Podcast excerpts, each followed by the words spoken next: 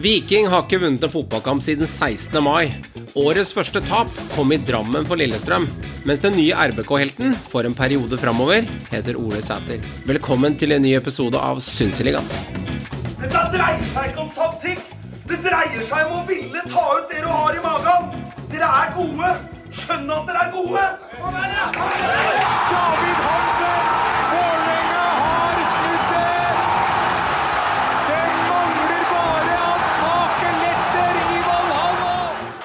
Så var det lagt inn i feltet! Frode! Det er 4-1! 88-55 på tavla! Frode Johnsen har skåra tre!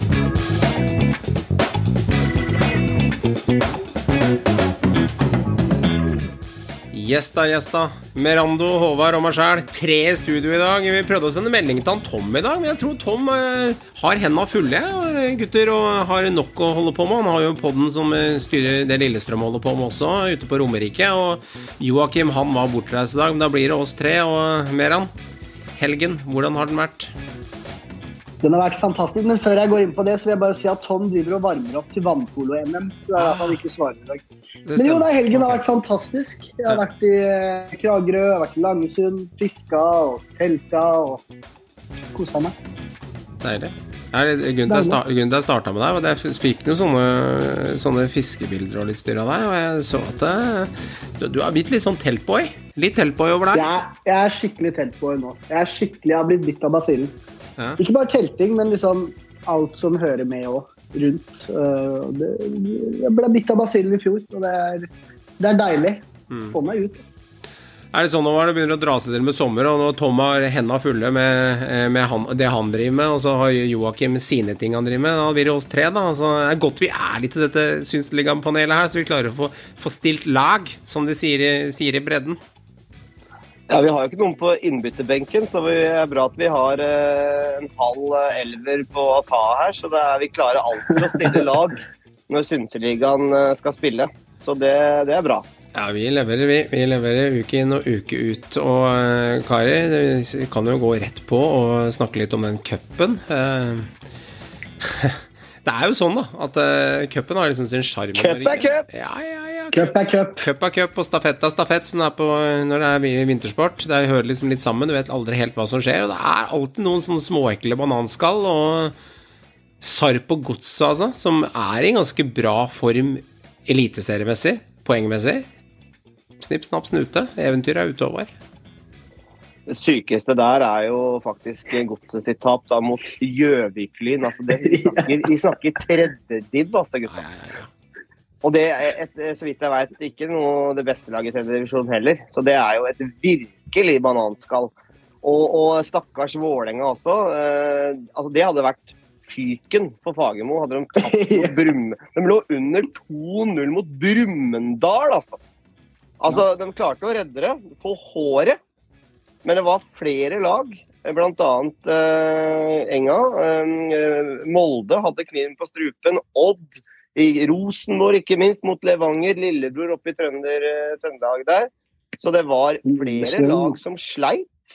Og Godset, dessverre, og Sarp røyket mot eh, Moss, altså. På Melløs. Ærverdig Melløs. Med Thomas Myhre og Bengt Eriksen i, eh, både som trener og sportslig leder.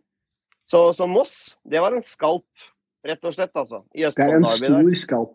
Det er en stor, stor, stor, Og, det, stor og, skalp. og Moss tror jeg vi kommer til å se i Obos neste år, for de topper sin Post Nord-liga. Mm, mm, mm. Men sannsynligvis er det noe med det eh, altså, Det er de såpass gode, da.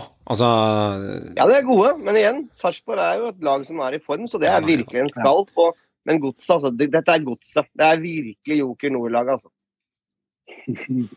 Nei, altså jeg føler det er få lag som egentlig altså Hvis du tar typ Ålesund, da. Lag som Ålesund som vinner 3-0. Du har eh, Sandefjord som vinner 5-1 mot Flint. Altså. Få lag tok en oppskriftsmessig og enkel seier.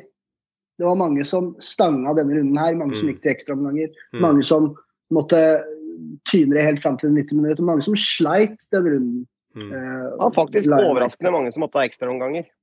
Ja. Men klart det er Det er noen lag da som gjør ramp bordet. Tromsø, Brann med 6-0, Bodø glemt over Harstad 0-5, og så, og så gjør eh, Molde det Ja, litt altså- småspennende mot Brattevåg en periode der. Men de har faktisk ryket mot Brattevåg før, for en fire-fem år siden. er, eh, er et lag som kan stelle i stand litt trøbbel. Det har de gjort flere ganger. Nei, nei, nei. Uh, Mjøndalen røyk ut mot Skjelsås. Altså, Ja. Det er flere Ja. Obos-lag som er ute, og allerede to eliteserielag. Og neste runde, der blir det jo noen virk, altså virkelig broilerkamper allerede. Ja, ja. For nå er det jo, er det jo slutt vet du, på at det, det, det på en måte settes sammen. Nå, det trekkes jo allerede fra tredje runde, tredje runde nå. Det er jo nytt. Yes. ikke sant? Mm. Og Vålerenga og Glimt. Glimt møtes jo. Brann, Fredrikstad. Det blir jo svære oppgjør allerede, vet du. Men liker dere det? Ja, det. At det er trekning allerede så fort? Elsker det. At ikke de Jeg setter syns det er kult, ja. Jeg synes Ja. det er kult. Det, er, er flaks om du er får mer, det er mer, det er mer cup. Det er mer ekte, liksom. Ja. Når det blir Ja. trekking så fort. Ja. Det er det som er cup. Ja, for at du må tenke litt på at eh, ok, det er en tøff kamp for Glimt og tøff kamp for Enga. Eh, for du kunne jo møtt eh, Du kunne fått noe helt annet. Eh, du kunne fått Gjøvik-Lyn, som har vært en lett, eh, mye mer overkommelig, sannsynligvis. Men det interessante her er jo at du må også tenke, hvis du ser det fra underdogs sin side, da Hvis du ser det f.eks. fra Gjøvik-Lyn sin side, eh, og så ser du det fra mm, de lagene som har gått videre der, så er det litt sånn eh, Eller Kjelsås, som slo ut Mjøndalen. Så blir det litt interessant at de vil jo også synes det er kult å treffe, eh, treffe eliteserielag pga. Eh, kronasjer og penger inn. Ikke sant? Det er jo kjempefordel for Gjøvik-Lyn hvis de trekker full tribune oppe på Gjøvik. Og få, få, få, få Rosenborg, få Bodø-Glimt, få Molde på besøk. Ikke sant? Det er jo, det, det er jo toppers. Apropos Gjøvik-Lyn, eh, Meran møter jo Stabæk neste runde. ja, og vi måtte til Det i Notodden. det er det kjipeste topplaget du kan få, da. Med tanke på at Stabæk dekker jo ikke det. folk. så Gjøviklyn ja, men er happy med dette, fordi de har akkurat på mange måter slått ut godset. De tenker vi skal danke Vi, ut vi, Stabæk. vi, vi skal videre, tenker de. Vi er underdogen nå! Tro det, du! Men det, du har jo noen svære oppgjør som Lillestrøm-Ålesund. Du har Vålerenga, Bodø-Glimt, du har Viking, Er allerede. Du har Jerv, Odd. Det er flere eliteserielag som trekker, trukket hverandre. Mm. Og så har du jo. Sandnes Ulf Rosenborg. Den kan være litt ekkel. Altså, Ja, ja, ja. Det er mange ting her, altså. Ja, det blir, KBK, eh, det blir bomber nå til onsdag-torsdag igjen nå. Vi skal eh, Ja, ha en runde ny ja, det er flere eliteserielag som kommer til å ryke. Det er jeg sikker på. Og så er det kampprogrammet, da. Er, hun nå, det har vært masse kamper Mm. i mai. Ja, de hadde en pause nå fram til 14.15 pga. landsdagen. Så får du plutselig to cupkamper nå, med tre eliteserierunder innimellom der. Da begynner du å snakke om en fem kamper på en nye 14 dagers tid for veldig mange lag. Eh, To-tre ukers tid. Eh, jeg så jo litt Altså, i helgen, altså- uten å gå inn nøyaktig på hvem kamper, så så jeg jo at Vålerenga fikk litt skader, RBK fikk en to-tre stykker, Bodø-Glimt hadde litt, Molde veit vi har utfordringer. Det er mange lag her som sliter, ikke sant? Så dette her tæres på utover sommeren. Men, men det må du faktisk takle. Skal du være et topplag. Ja, ja. Fordi at i utlandet så er det jo mye mer eh, trøkk og kamper, og snart kommer Europacupen også for disse lagene som er med der. Det må du takle. Skal du være topplag, et eliteserielag, det, må du ha- det må du ha rusta deg for. Du må kunne være med på to arenaer og spille doble kamper på ei ukes tid. Det må du takle.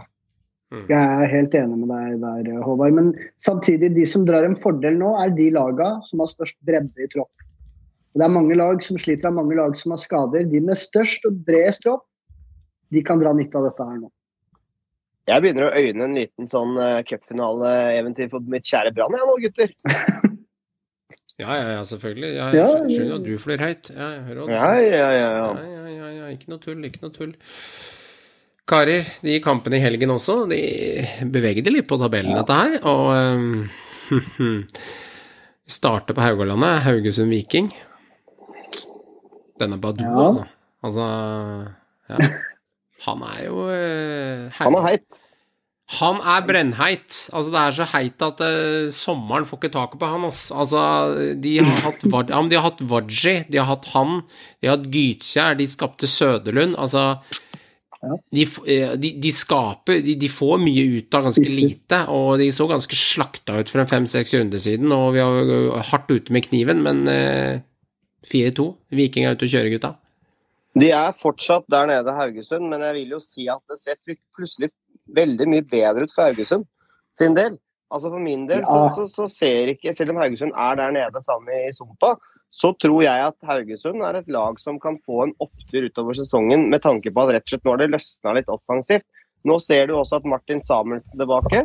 Han hadde jo et kjempeinnhopp, og det var jo han som på en måte danser seg mellom tre-fire mann der. Og så kommer Badou og eh, Sorry, eh, Safaris og piker han inn på retur der, fra det Mm. Samuelsen-skuddet. Mm. Eh, Så, så eh, Haugesund har plutselig mye mer bredde, og så har de jo funnet den spissen sin da, i nettopp Badou.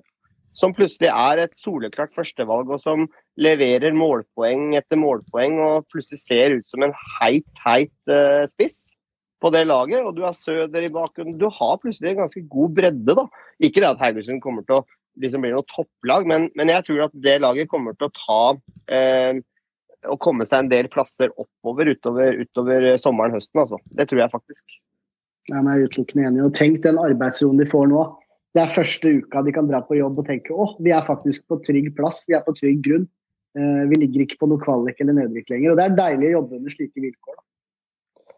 Men eh, et lag som er nesten i fritt fall nå, etter at eh, Det vil jeg nesten si. altså Det var et lag som eh, Folk begynte å snakke om gull. Det koka i Stavanger. Det var ikke måte på hvor god stemning det var. og Tripic og Veton og drittsekklaget og herja, liksom. De var både ekle å spille mot, og de var gode. Mm. Nå, nå, er det, ser, nå er det jo De har mista hele momentumet sitt etter at Tripic ble borte.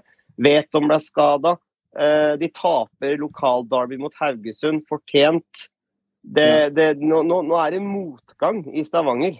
Eh, jeg har en følelse at uh, Viking skal slite med å komme seg opp på hesten igjen og være med på dansen om medaljer faktisk nå. Jeg, jeg, jeg tror de skal slite for det. For jeg har en følelse av at Veton kommer til å gå i sommer. Og da blir det enda verre. Mm.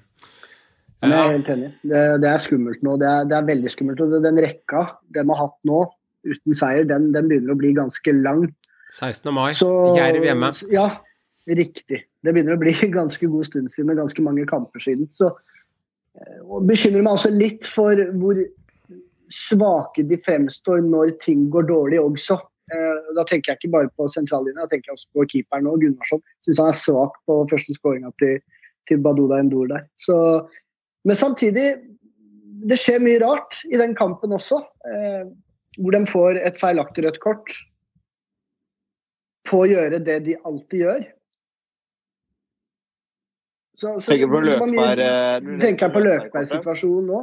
Og så ser jeg han etter kampen, hvor han regelrett er knust og er på gråten og er lei seg fordi han har fått sitt første røde kort i karrieren.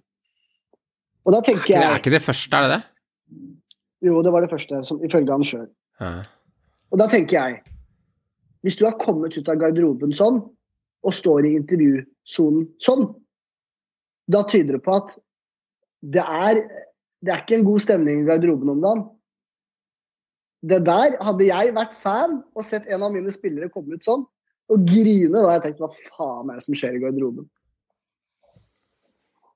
Casen er jo den da, at han, eh, han er jo veldig sånn opptatt av fansen. og Som han, som han poengterer, det syns jeg var ryddig sagt av Løkberg. Han, han er lei seg for den feilen han gjorde. og ja, kortet kan diskuteres, men han er sistemann. Han, gjør- han gjør en klønete involvering med å ta tak i armen, og så faller Bilal Njay lett. Det, det gjør han jo. Men det er klønete. Han er kaptein, han skal ikke gjøre sånne feil. Sånn som Gjermund Aasen mot Godset, det kommer vi tilbake til. Mm. Men, men Løkberg er jo først og fremst lei seg for fansens del, som har dratt 1000 mann over til Haugesund for å skape stemning. Og det syns jeg han for så vidt skal ha honnør for. Jeg tror ikke det er så fryktelig dårlig stemning i garderoben, men, men Viking er litt i villrede nå. De, de sliter rett og slett med å prestere. Ok. Husker dere hva jeg nevnte? Yes. Jeg kommer til å kjøre selvskryt over av meg selv nå. Husker dere hva jeg nevnte i forrige eller en par episoder siden angående Viking, og det med at, um, at de er så drittset lag og får med seg så mye situasjoner og spiller så stygt og gjør ting?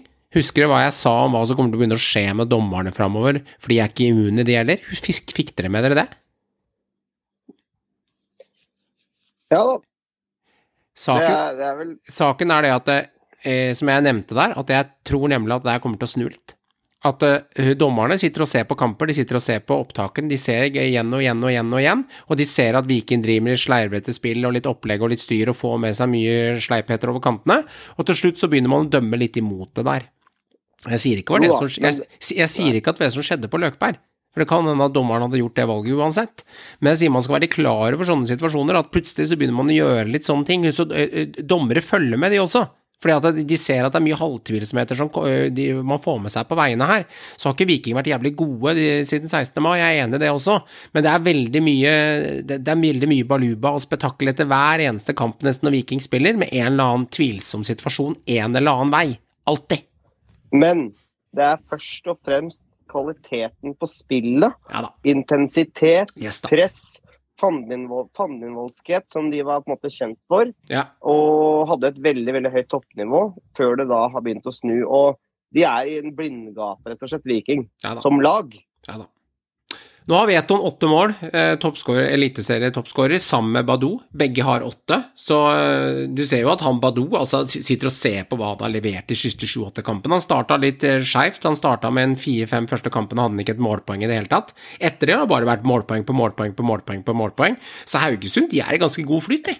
De er faktisk Hvem er nestemann på lista?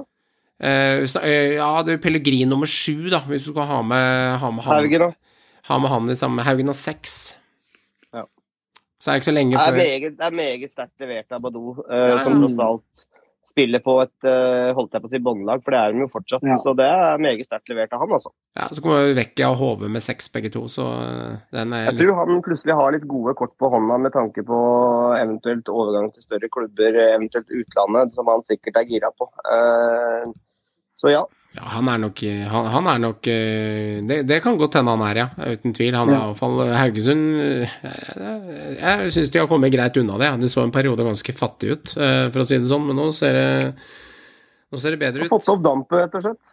Ja, ut av sumpa, føler jeg, da. Jeg føler dem, dem er i gang nå. På mange måter. Du ser, Selv om du de ser er det der ennå på mange måter, så er de der, de er der ennå sammen med mange andre lag. Men jeg syns spillet deres har blitt mye, mye bedre siste tiden. Fy fader, gutta. Jeg satt og leste en reportasje etter at jeg hadde sett Rosenborg-kampen eh, Kristiansund der. Så søkte jeg litt på Ole Sæter, bare for å søke litt ekstra. Jeg vet han som er RBK-supporter, spilt for Rana, spilt for flere klubber i Trondheim. Begynte jeg å søke litt rundt hele karakteren, da. Kom jeg over denne artikkelen. Eh, fra sjettedivisjon til Eliteserien på, på fem og et halvt år, er vel riktig faglig å si det på. Det er ganske sykt, gutta. Gå fra sjettedivisjon til Eliteserien. Det vil si at når du leste den reportasjen over, så søkte jeg tilbake til 2017, i den perioden eh, eh, Akkurat den perioden med Bentner og den perioden med Sagaen der. I den perioden der så spilte Ole Sæter sjette- og femtedivisjonsfotball. Når vi satt og jubilerte for at Bentner kom til Norge og skulle ta Norge med storm, da spilte han nede i grøten i Trondheim. Og nå er barndomsdrømmen oppnådd med tre skåringer på Lerkendal, og akkurat nå er han på alles lepper. Jeg vet ikke om det, om det stemmer nøyaktig de tallene du sier med tanke på sjette divisjon når Bentner var der. Om det er helt riktig, har du sjekka det? artikkelen så står det fra eh, i løpet av eh, ja, fem og et halvt år så er med fram til. Så Jeg er tror kanskje han var i tredje-fjerde divisjon på den tida, men uansett det står sjette. er en- I artikkelen står det sjette. Jeg leste den. Ja. Hvis det er feil, så tar vi eh, forbehold og høyde for det. Ja. Det er iallfall Det er den informasjonen jeg fikk. uansett fikk. en vanvittig reise, og en sammenligning jeg faktisk får, det er Jamie Wardy, med tanke på eh, Skal ikke sammenligne Premier League og Eliteserien, men, men altså Jamie Wardy eh, starta jo karrieren i lavere divisjoner og spilte med fotlenke i, i non-league, og det var ikke måte på, liksom. Og, og bygde seg opp mot en klassespiss i Premier League. Nå begynner jo Ole Sæter å se ut som en giftig Rosenborg-spiss, eh, som begynner å nærme seg et førstevalg eh, er en profil på mange måter, på godt og vondt. Han gir og tar og byr på seg sjøl, klikker litt og skårer noen herlige skåringer. Og er jo en fyr som media elsker. En uh, spiller som uh, Rosenborg uh, ikke har hatt siden Helland, med tanke på det å by på seg sjøl og være litt sånn riksklyse.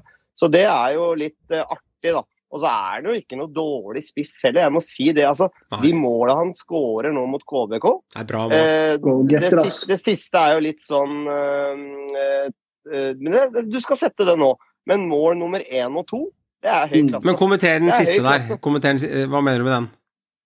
Jo, altså han, Da faller jo ballen litt ned for han, og så setter han, men han setter den rolig hardt ned han siden. Ja, men det, det, det, målet, det, målet, det målet der Jeg skjønner at han treffer klokkeklart på innlegget til Holse, og den sjuke nikken da han nikker over og fiker ned i ørene på skikkelig, skikkelig vis. Ja, det, det mål nummer to er meget Ja, høy det, det, er- det, det faktisk verdensklassenivå. øh, Det, Det er, det er meget høy klasse. Men jeg må si, det, det siste målet Du kjenner meg som gammel spiss. Hvem ja, av de måla er det jeg verdsetter mest, Håvard? Ja, du verdsetter nummer tre mest. Riktig, for det er så viktig å sette Men- dem fra sju meter rett ned er- Du må som- være der. det som er deilig med Ole Sæter som spiss, da, han har en sånn rapphet og sånn, og Mm. sånn 'jeg skyter på alt'. Det liker jeg å se som en spiss. Mm. Han er så frekk og freidig. Bare han får, bare han får tverrvendt, han, så han har tru nok han, og scorer fra hvor som helst eh, hvor han skyter. Og han er liksom, han er sånn spiss som går rett på mål. Han gir og tar i duell. Han er ekkel type. Eh, altså, selv om man, man må jo hylle det litt, da, det han, det han, eh, det han eh, gjør mot han eh, stakkars 18-åringen stopperen på KBK. Jeg var ute og la ut en sånn tweet, tweet på på Twitter-sida vår om, om den situasjonen, og det ble litt kok. og Det er herlig at folk både melder og smeller i øst og vest. eh, ene eller andre veien, Men jeg syns jo det er Det sier litt at han er en drittsekk. Han er et rasshøl. Han, han holder i trøya så lenge. Det ser ut som han holder i trøya en halvtime, og så snur han seg på en stakkars 18-åring som febrilsk prøver å komme seg løs fra det derre og begynner å kne litt og kjefte litt og blir litt sånn smådesperat. Så han begynner nesten å stå på gråten av Max, Max, Max Williamson. Og Sæter da snur seg rundt, ser stygt på han, tar, stru, tar strupetak og holder han i, i, i drakta som en filledokke og kaster den i bakken. Du skal ikke kødde med store gutter, liksom. Det, det, det, er, det er på grensa. Du, det, det. er så rasshøl og usportslig. Men Eh, men han er jo en sånn type som fansen og media elsker på godt og vondt. Men, men 18-åringen prøver seg på et lite spark i ryggen. 18-åringen dytter han to ganger bakfra i ryggen og gir han litt på skulderen. Han har fire et, eh, småstygge der før Ole Sæter kikker stygt på han og sier nok er nok. Ikke noe rødt kort på noen av dem. Det må vi tåle. Dommeren løste det kjempebra. Eh, Ole Sæter på grensa. 18-åringen var oppe og kødda med de store gutta i skolegården, og så ble han tatt litt, selv om Ole Sæter er ikke så stor i forhold til han. Men jeg syns det var greit, og 18-åringen fikk kjent litt på eliteserienivå, han også. Så jeg, jeg syns det, var- det var litt sjarm, jeg. Men han skal passe seg. For gud hvor trist det hadde vært hvis Løven fra, fra Singsaker hadde blitt utvist etter å ha nettet tre stykker på Leikendal pga. en sånn hendelse. Jeg tenker jo at det jeg liker med Sæter, da, det er at når alle sitter i garderoben og skrur på skruknottene sine og gjør seg klare, så tar han janteloven og skrur de godt under skruknottene sine når han løper utpå der. Det er det jeg liker. Jeg liker karakteren. Jeg liker fyren. Jeg liker, jeg liker hvordan han er i media. Jeg liker at han blir forbanna og viser følelser når han blir tatt av i første omgang. Ja. For det er så ektefølt, og det er ærlig. Det er det han er. LSK, ja. Ja. Og jeg liker også det han gjør med han 18-åringen. Jeg liker måla han skårer. Bomba, Og så du tror liker det jeg mer, han. Rosenborg eh, Ja, men vi må like det. Vi må tåle også at eh, vi liker det. Topp. Jeg tror hvis Det- han holder det her oppe, så er Håvard inne på noe med Wardy-referansen eller linken der, da. Jeg, jeg må innrømme at personlig så syns jeg det er eh, hakket på grensa å være så rasshøl mot en da fersk stopper. Han veit akkurat hva han gjør der. Dette her er så Men det er grensa. Det er så planlagt, det han gjør. Og han holder så lenge i drakta at han stakkars 18-åringen blir frustrert. Men det har ikke noe å si om han er 18 eller 28 Ja, år. men nei, nei, Han spiller nei, på seniornivå. er ja, Han han veit akkurat hva han gjør for å sette han stakkars unggutten ut av spill. Og da har han han i lomma resten av kampen Ja på mange måter. Også, men jeg syns jo på mange måter at det, når, du, når du holder i trøya et år, du snur deg rundt og tar strupetak, og i tillegg så kaster hun i bakken, Ja. da vil jeg si at det er fader meg på grensa til rødt kort, og det står jeg for. Men Håvard, vi holdt jo sånn på sånn i Sjundiv hele tida. Ja, Selv på corneret. er Ta tak i shortsen på, ta tak i shortsen på keeperen eh, på corneret. Dette er ikke- Dette er ikke har- nede i grøten. Dette er ikke fleskeligaen i Men- Ja, men når vi har en nede i grøten, så må Men vi ha Meran, oppe i liten hvis du hadde tatt en fyr og kasta han i bakken etter halsen, da hadde du Ja, jeg har vært den andre. Jeg er den som har blitt kasta ned. Jeg har aldri Jeg har alltid vært den som har blitt kasta ned. Greit. Skjedde aldri noe, da, Poenget så er, Ok. kastet meg. Jeg syns det okay. er på grensa, og det er det som jeg må si. Han skal passe seg så det ikke blir for mye sånt. Enig. For da blir han enig. Enig. gjennomskua.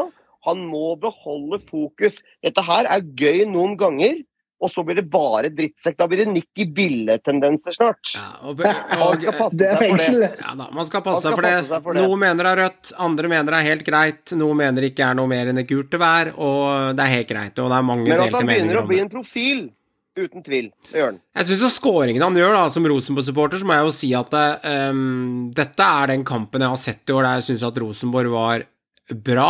De spilte De var gode i overgangene. De dominerte banespillet. Jeg syns Kristiansund så ganske tafatte og fatteslut ut, dessverre. Um, de så ut som der de ligger der de ligger, og Rosenborg rulla over runde etter runde. Skåringen han setter, er lekre mål. Det innløpet han gjør der å, på førstetouchen på eneren, det minner meg litt om bare en annen posisjon med nikket mot Vålerenga, da han bare Esonitt bare nikker på første dirr med en gang. Toeren er strålende. Favoritten min er selvfølgelig treeren. Da er nedfallsfrukten havner på seks meter, og han bare klinker den og hopper over den lille taklingen som kommer ned i hjørnet. Jeg liker jo, jeg vet det er merkelig å si at jeg liker sånne mål, men det er fordi at som gammel spiss så vet jeg hvor viktig det er å sette de sjansene og mye det betyr for et lag. De andre skåringene kan han fyke over, og han kan også sette den i kassa. Så han er bra.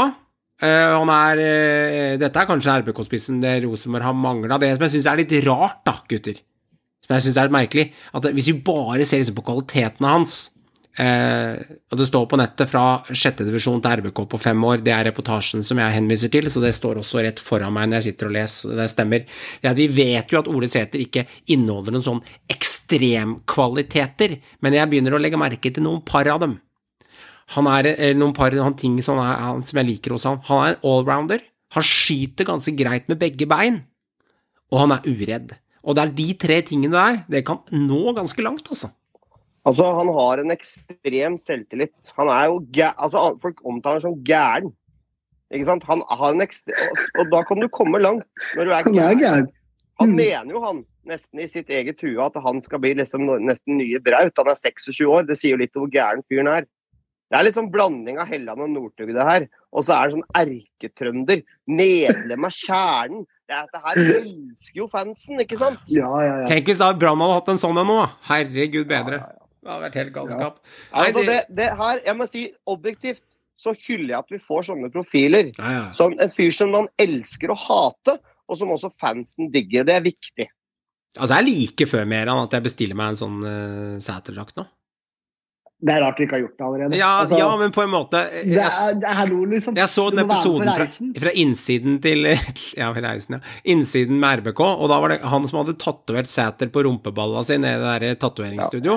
Altså, Det sier litt, eh, sjukt, ass. Det ja, sier mer om ja, han. ja, ja, ja, men husk på en ting, husk på en ting vet du. Jeg skjønner litt er- Sæter har stått og jubla vært en del av kjernen og synge og hei og, så plutselig Nå er det en av våre egne som spiller utpå matta der. Det er, Det er en, fantastisk. det er en Det er eventyrhistorie. Det Så er det. det Så tar er, det det er spesielt, altså. Men, men det som er, eh, er litt, eh, litt eh, vakkert òg, syns jeg, med Sæter for Nå er det mye Sæter, men det er litt gøy. Han er jo en karakter uten tvil. Ja, det, er. Eh, Det er at han er typen som også klikker på egne lagkamerater når han spiller treningskamp mot KBK og virkelig flyr på sine egne lagkamerater. Han fløy jo på Han legger ikke noe imellom. Han Han gjør det. Ikke noe tull. er det er rett og slett type. Rett og slett Men type. gutta, vi må, jeg syns vi skal prate litt om KBK. Fordi igjen så ser jeg svakhetstegn. Hva er det å snakke Den om? Vi er eneste- ferdige snart, det er ikke sånn mer. Altså, de er ferdige snart. Det eneste jeg ser som er av kvalitet, som holder det gående, det er, det er Diop. Jeg føler resten av laget underpresterer og flopper totalt. Og han prøver nye formasjoner, han prøver å flytte spillere rundt omkring. De stanger og stanger på absolutt alt de gjør. For, for å gå litt om litt sånn i dybden på KBK, så det er et lag som har eh, for det første kom utrolig skjevt ut med resultatrekka si. De har fått skader på veldig viktige mann, særlig defensivt. Jeg snakka om før. Fundamentet det- dens er defensiv trygghet, også kontringsfotball og virkelig som jobbelag, da. Som de har vært i flere år, og, og har en definert spillestil med å virkelig sånn stenge igjen, eh, stenge igjen og så da trøkke på med kontringer og virkelig sånn presspill. da. Så, så poenget er at KBK har jo på en måte tatt steg egentlig år etter år. Nå har det bare stoppa fullstendig opp. De fikk skade på Moses, som heller ikke hadde levert en dritt.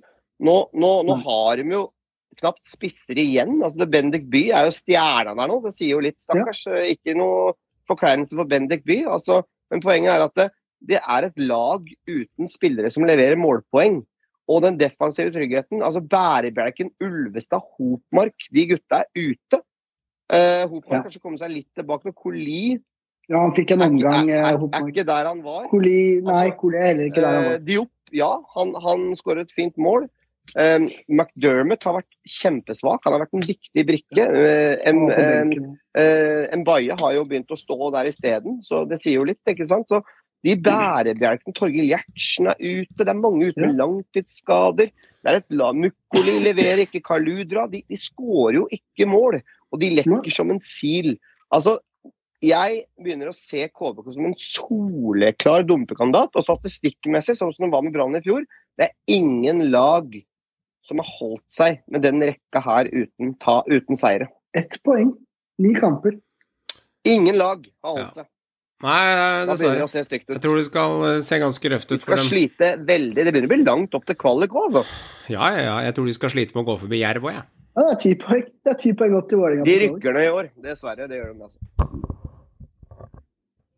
Ja, hvis de ikke gjør det, så Ja. setter de en eller annen form for rekord. Altså som ikke Ja, har blitt gjort det. før. Så det er jo Brann var jo nære på å klare det med å snu den syke Ja, trenden, men de tapte jo kvalik. de, ha, de hadde litt mer med, de, de, de hadde et litt bedre lag, kanskje òg. Jo, jo. Eller Men altså, vanskelig å si, for Kristiansund leverte jo sjette, sjuende, femte i mange år med nesten samme laget som nå, så eh, Snakka om bronse for to sesonger siden. Det er jo det, vet du, at det er ikke så lenge siden Christian Mikkelsen plutselig begynte å snakke om gull. Og nå er det en på soleklar det var det vel kanskje ikke han er, som eh, snakka om gull.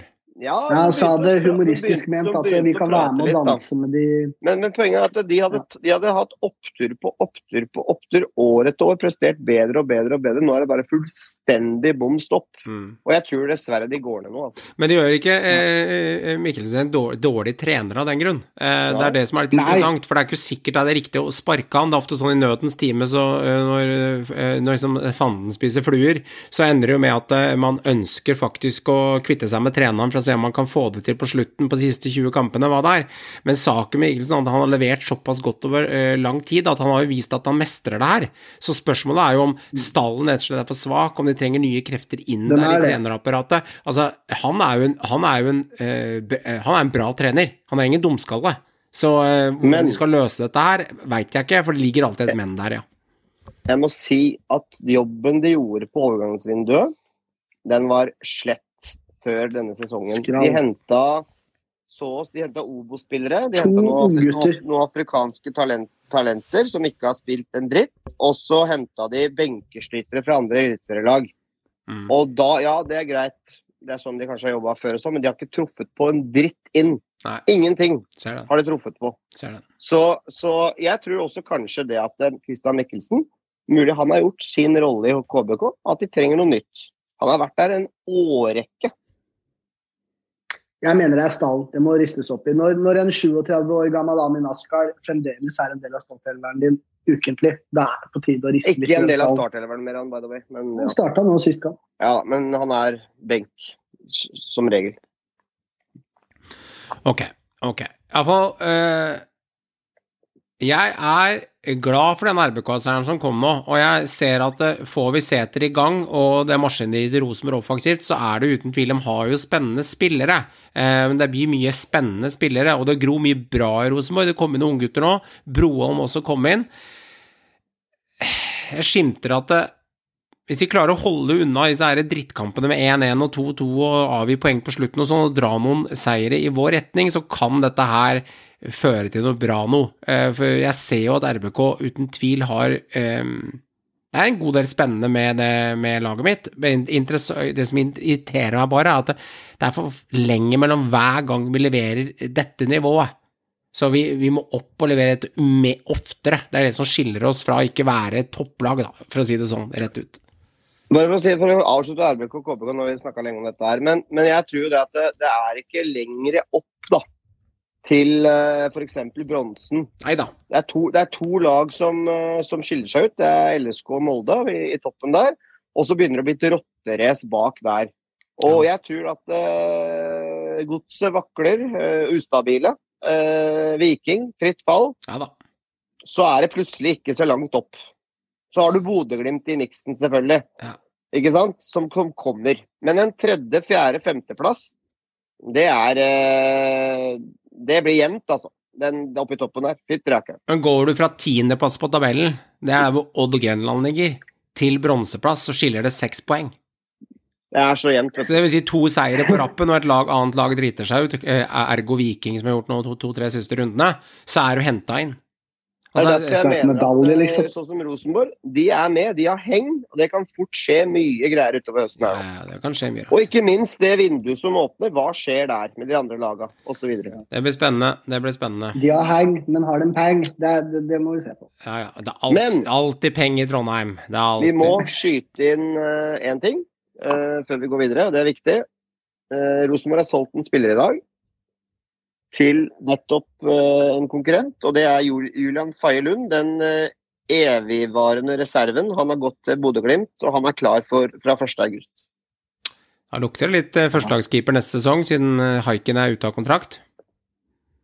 Det lukter nok at han skal bli satsa på, for de har nemlig også solgt Glimt sin reservekeeper Joshua Smiths til Wilhelm Svai i Nederland. Så han vender hjem. Faye Lund kommer inn, og Haiken ryktes på vei ut. Det er litt gøy for Fagerlund, da. Han kommer til en klubb som eh, Ja. har levert bedre enn Rosenborg de siste tre-fire årene her, og eh, har liksom alltid vært andrefulle inn i RBK. Fikk tillit til, tillit til HamKam der en periode, men det er, det er gøy. Mjøndalen også. Ja, Mjøndalen, og det er, det er gøy for han, da. Og nå, nå, har, han, nå har han bevist at eh, nå kommer han, han kommer ikke til noen tulleklubb. Ikke sant? Så dette det, det, han er, en, han er faktisk en god keeper òg. ja, ja, Han er god. Klart han er god, men jeg, jeg unner han det. Unner han det. Unner han det. Og angående Bodø-Glimt-gutter eh, Lans Ålesund de taper jo sjelden stort, som jeg har snakka om tidligere. Taper med ett mål, kan fort stjele med seg en seier. De har en ekkel spiss med Haugen der. Men Pelle og lokomotivet der oppe ble for tøft til slutt. 2-0-tap for Ålesund. De gråter ikke på bussen hjem igjen til, til, til Ålesund-traktene, for at dette var kanskje ventet. Og Bodø-Glimt tar en seier som de kanskje måtte ha for å henge med i toppen. Og vips, vaps, vops, så er det tre, to strake seire. Og Glimt har eh, kommet i gang. Pelle Ja. leverer mål igjen, som var veldig veldig viktig på høsten i fjor når han kom inn. Eh, han ser sharp ut. Et eh, viktig element er at Ola Solbakken kommer inn fra start i andre omgang, leverer en strålende assist til eh, nettopp Pelle. Eh, og den trioen der i front nå, med Pelle, Boniface og da Solbakken sannsynligvis snart fra start, det lukter krutt. Og så har du Espejord, du har Mvuka, du har Komson. Du har trioen på midten igjen fra europasuksessen. Det er Elias Hagen, Saltnes, Vetlesen. Du har fireren bak intakt med Høybråten, Mo, Samsted og eh, godeste Wembam- som skårer et klassemål, by the way, som, som venstreback. Så Glimt er på gang igjen. Det vil jeg si. Det er et stykke opp, men du skal ikke avskrive det Bodø-Glimt-laget, altså. Jeg er helt enig med deg, Håvard. Jeg, jeg følte det sjøl når jeg så kampen. Du så at det maskineriet begynte smått å se tendenser igjen. Nå, nå rulla ballen igjen. Nå gikk det hurtig igjen. Nå var det bevegelser igjen. Nå satt det igjen. Så du veit aldri. Du vet aldri. Nå er de på 19 poeng, og de har fortsatt, per definisjon, da, til Lillestrøm, så har de en er det nå, åtte poeng opp, og de har fortsatt en kamp mindre spilt. da. Det er det- det- ikke umulig. Det er ikke umulig. De, de, de er med nå. Femteplass. Ja, de kommer. De, de kommer. Og det verste er, da ja, det er Viking på tredjeplass med to kamper mer spilt. De er forbi Viking Yes. hvis de vinner de kampene. Nemlig. De er bare to poeng bak Viking. Mhm. Seks poeng bak Molde. eh, så dette Og Molde sommeren, sommeren, høsten. Overgangsvindu. Som jeg har sagt uh, gjentatte ganger, det, det blir så jævlig rotterace, altså. Fy fader. Spennende. Ja, eh, snakke litt om de kampene til Glimt, gutter. Eh, jeg kan ta de neste fem. Og det er Odd borte.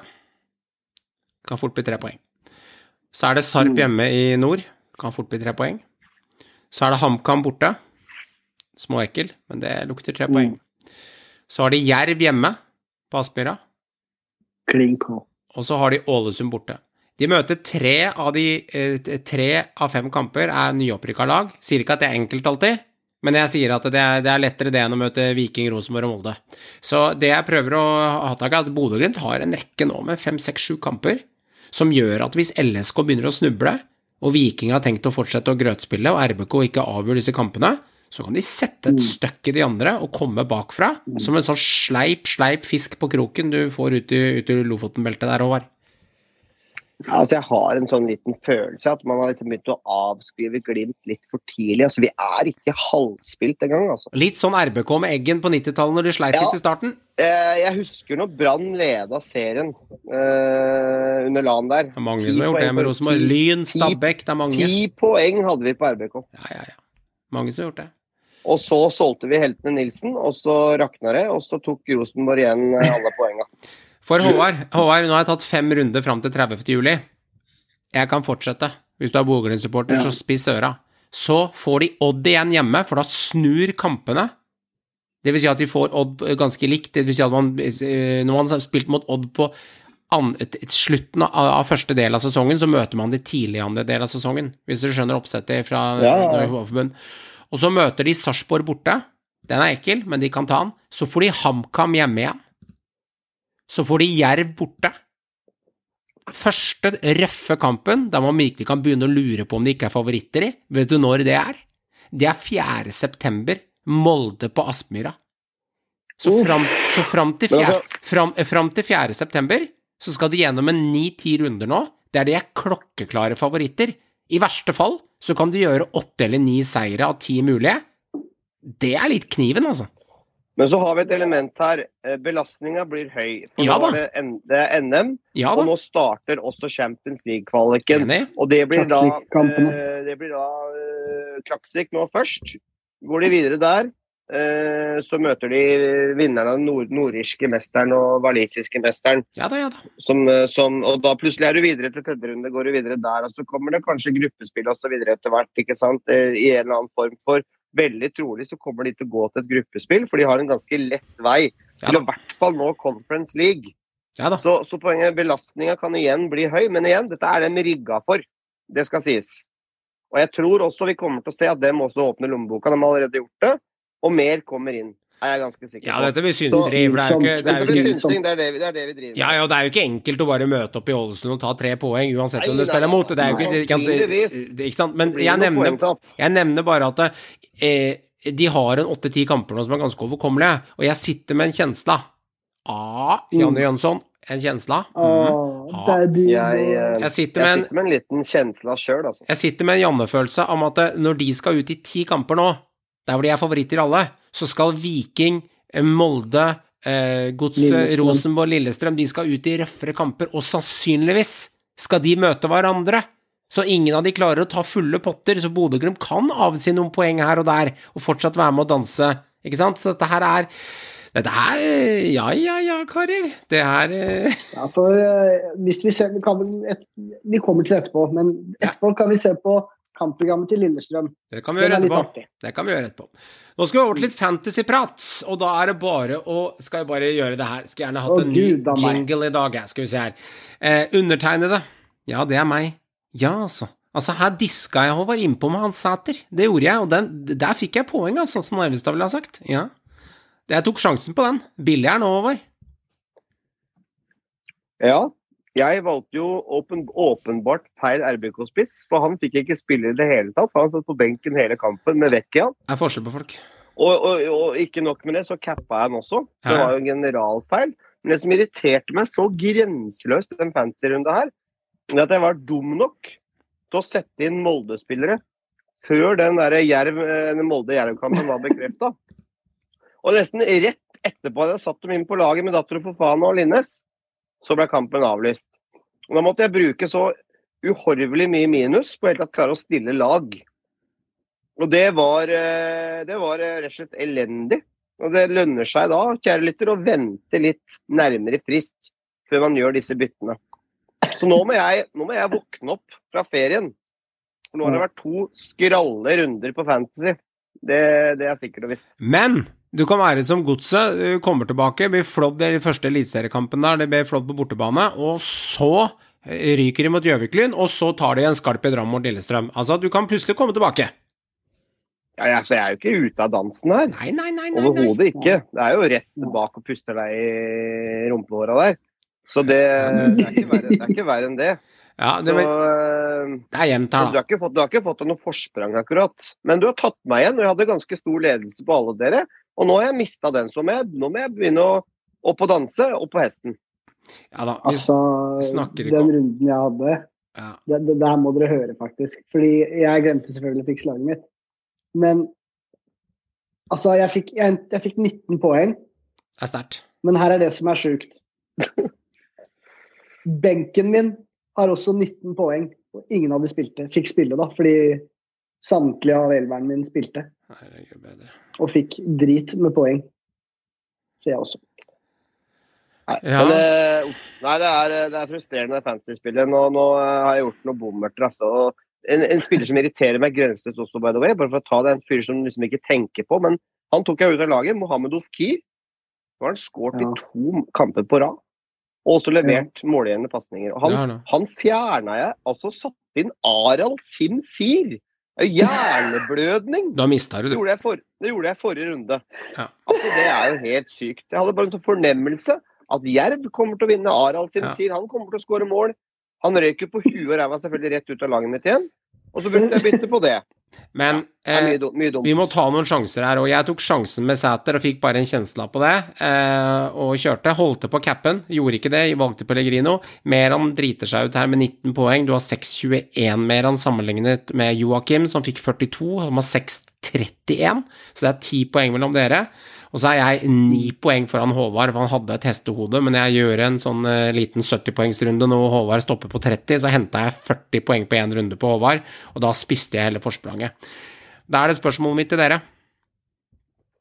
Noah Holm er ute til midten av august. Hvor lang tid tar det før Ole Sæter er inne i laget deres? Eh, jeg føler ikke det er noe poeng å prate om Noah Holm i det hele tatt lenger. Jeg, jeg føler det Sæter har vist allerede mer enn hva Noah har vist foran mål. Foran mål. Men det er vi enige om, det er ikke spørsmålet. Men eh, det blir ikke lenge til han skal inn her. Hvis han holder en-to kamper til, så skal han inn.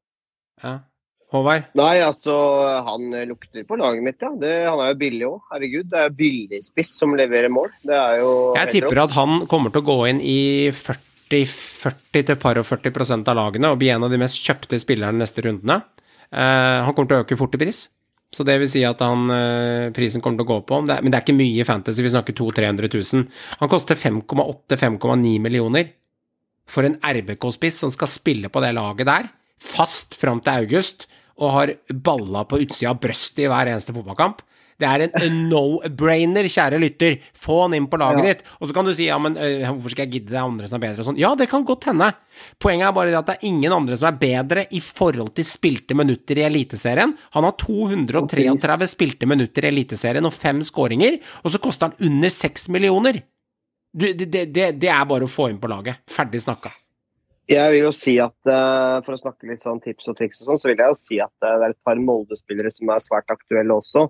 Med tanke på eh, hva de har levert den siste tiden, med den rekka de har, og datter Dattero Fofana Det er så risikolag, liksom. Lever- Ja, ja, de er det. Du vet jo allerede som starter der, men, men det er uten tvil eh, formlaget. Ikke sant? Mm. Så eh, det blir sånn, Man glemmer liksom alle, for de spilte ikke denne runden her, men tenk på rekka de har, da.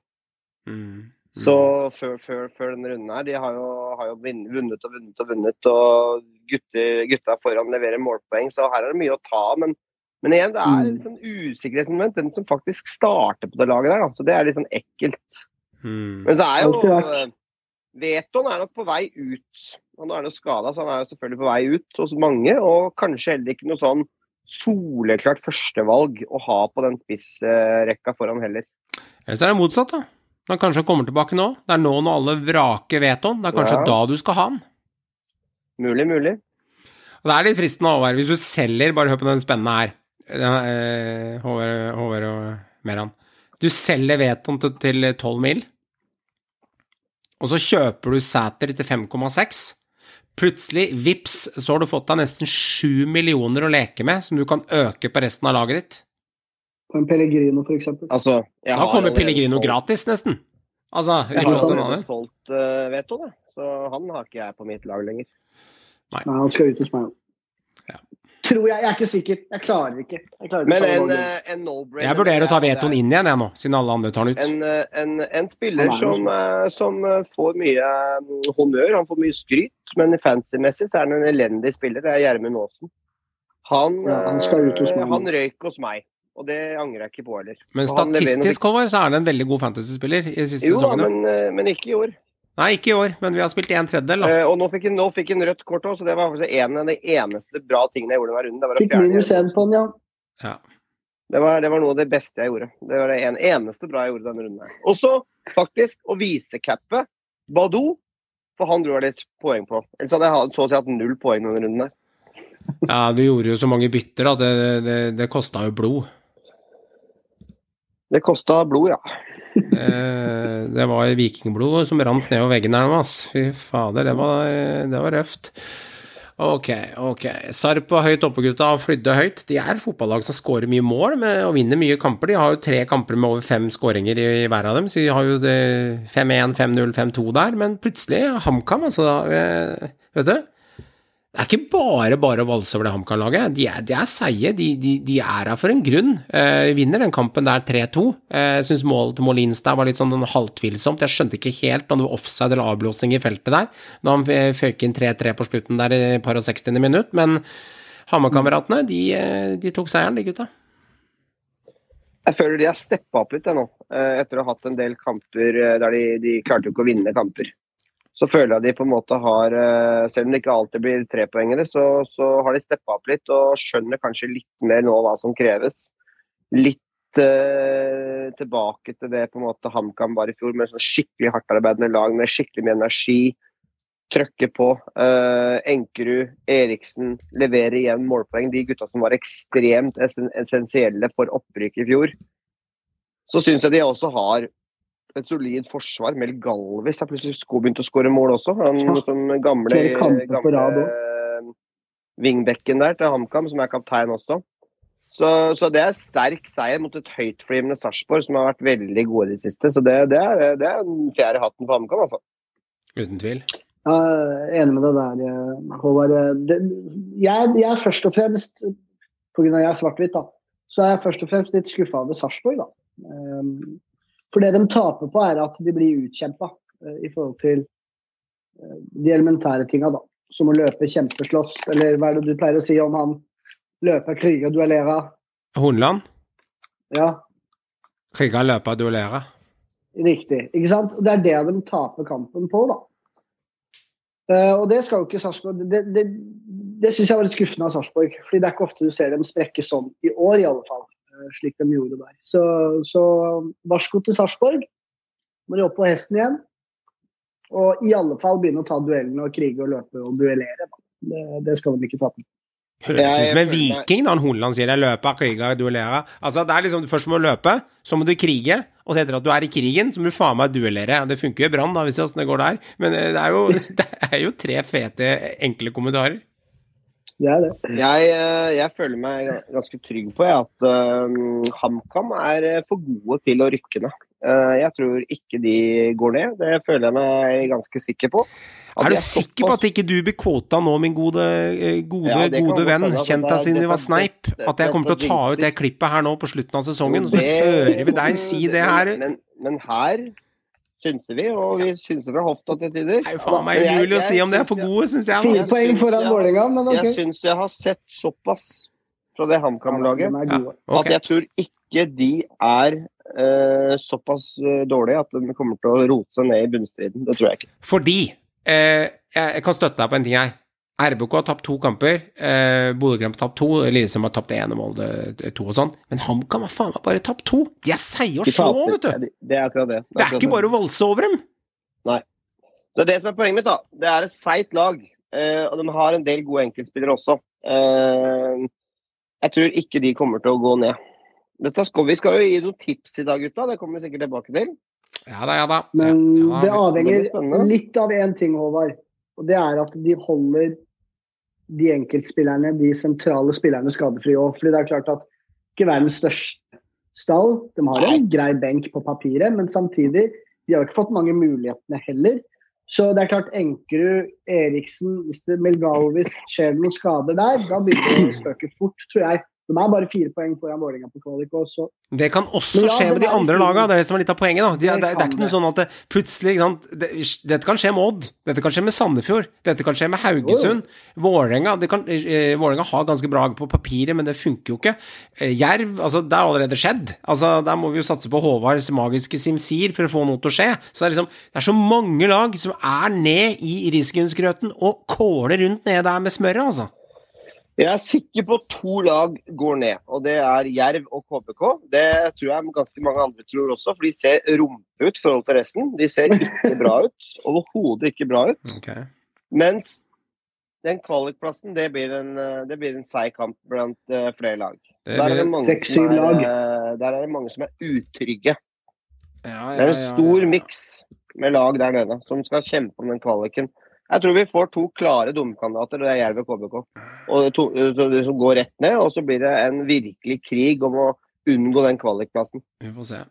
Sandefjord-gutter de hadde ikke spilt en uavgjort-kamp på ni runder, de. Ingenting. Det var tap, seier, tap, seier, tap, seier. Og Sandefjord slår noen ganger litt overraskende til. Vinner jævlig mye borte.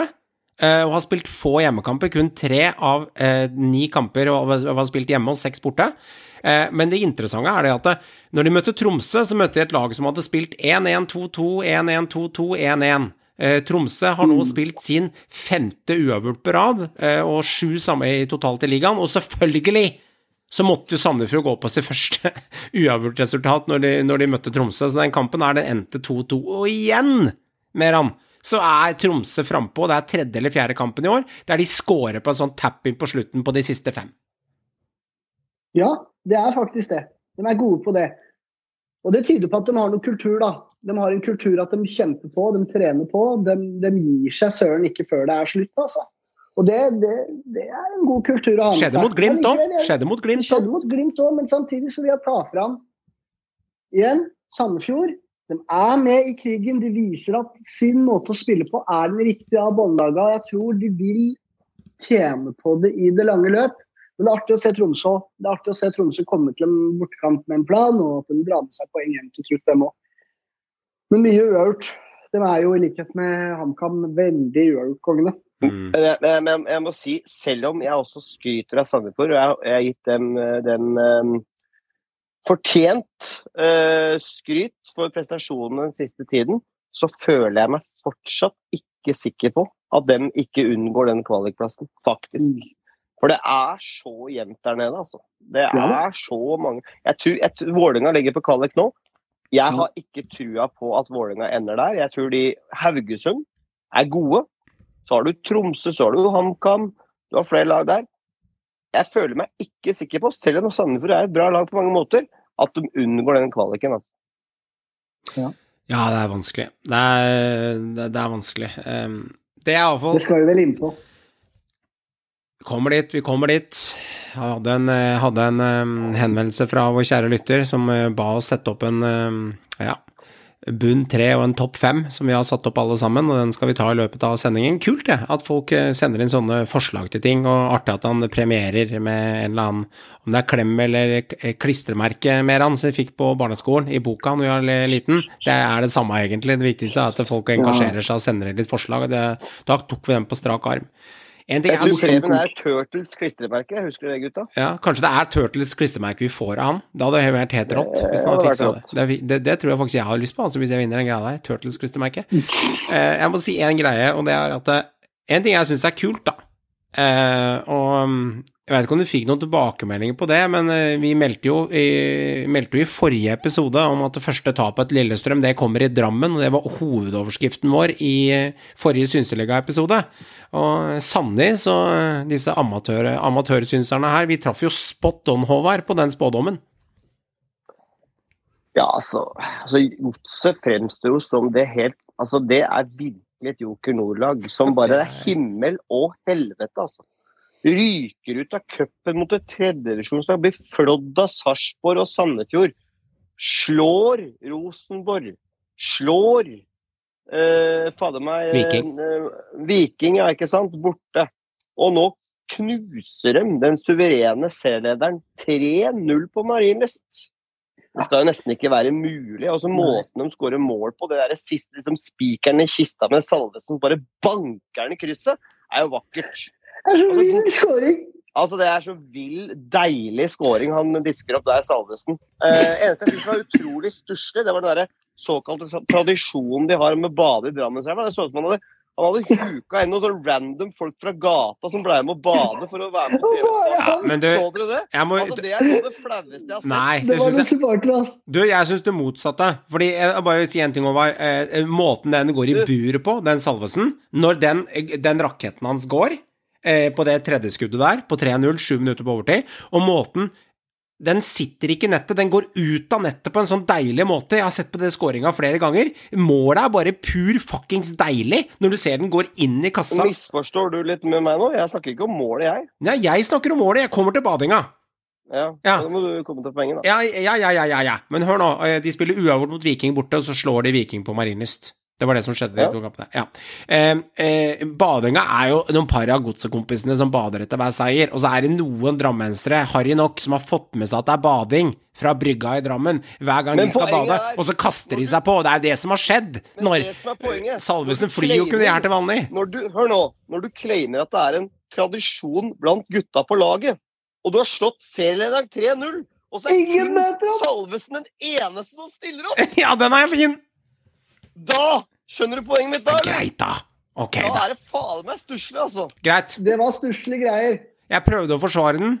Jeg kjøper ditt poeng.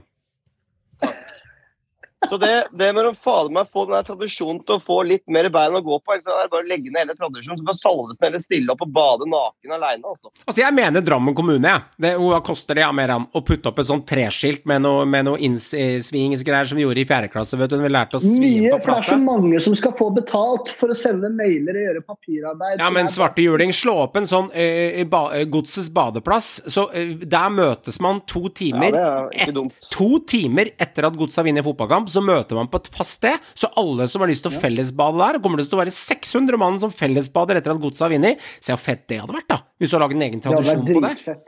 Et sånt skilt hadde jo vært helt rått. nå har vi gitt dem et tips. Det er bare å kjøre på. Det blir Nei, det altså, nytt altså, badeskilt i Drammen. Hilsen et Synseligaen. Troll i eskelag, altså. Det er helt sprøtt. Og den var, den var, den var klart best òg. Eh, utrolig klønete av Remi Aasen. Han begynner å kle av. Det var ikke rødt kort og sånn, det var soleklart. Han mister huet. Han er frustrert. Han eh, Var han gjør på Han sa eh, ikke at det ikke var rødt kort, han? Jo, han sa det etter kamp. Han syntes det var strengt. Men okay. han beklaga til så han beklaga. Han eh, tok det som en mann. Han beklaga til sine lagkamerater og fansen osv. Mm. Men han syntes det var strengt. Jeg syns det er soleklart. Han mister huet, han er frustrert, og han klipper hodet der. og Ipalipo Jack, en type som ikke har snakket mye om, det var tatt opp i studio, jeg er helt enig. Han har flytta ned den dype rollen mot Lillestrøm. Han var enorm. Det var som å se Mohammed Abu på sitt beste. Uh, Ja. Han var ekstremt god. Han tok luven av Matthew. Uh, han, var, han var meget god. Og Stengel kom mer uh, til sin rett offensivt. Så, og Tokstad gjør sin kanskje beste kamp på år og dag i godsetrøya.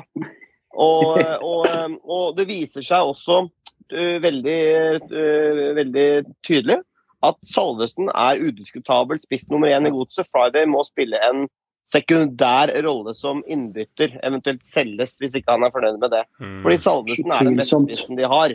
Mm. Uh, han, har eh, han er høy klasse på Salvesen. Han har et han deilig beste. skudd. Altså, skuddet hans Han har- er han har- han- Fytti ja, grisen. Ja, det er så en- deilig, det skuddet hans. Nydelig, nydelig rist. Deilig skudd. Vi ser, vi ser ikke så ofte sånne mål lenger.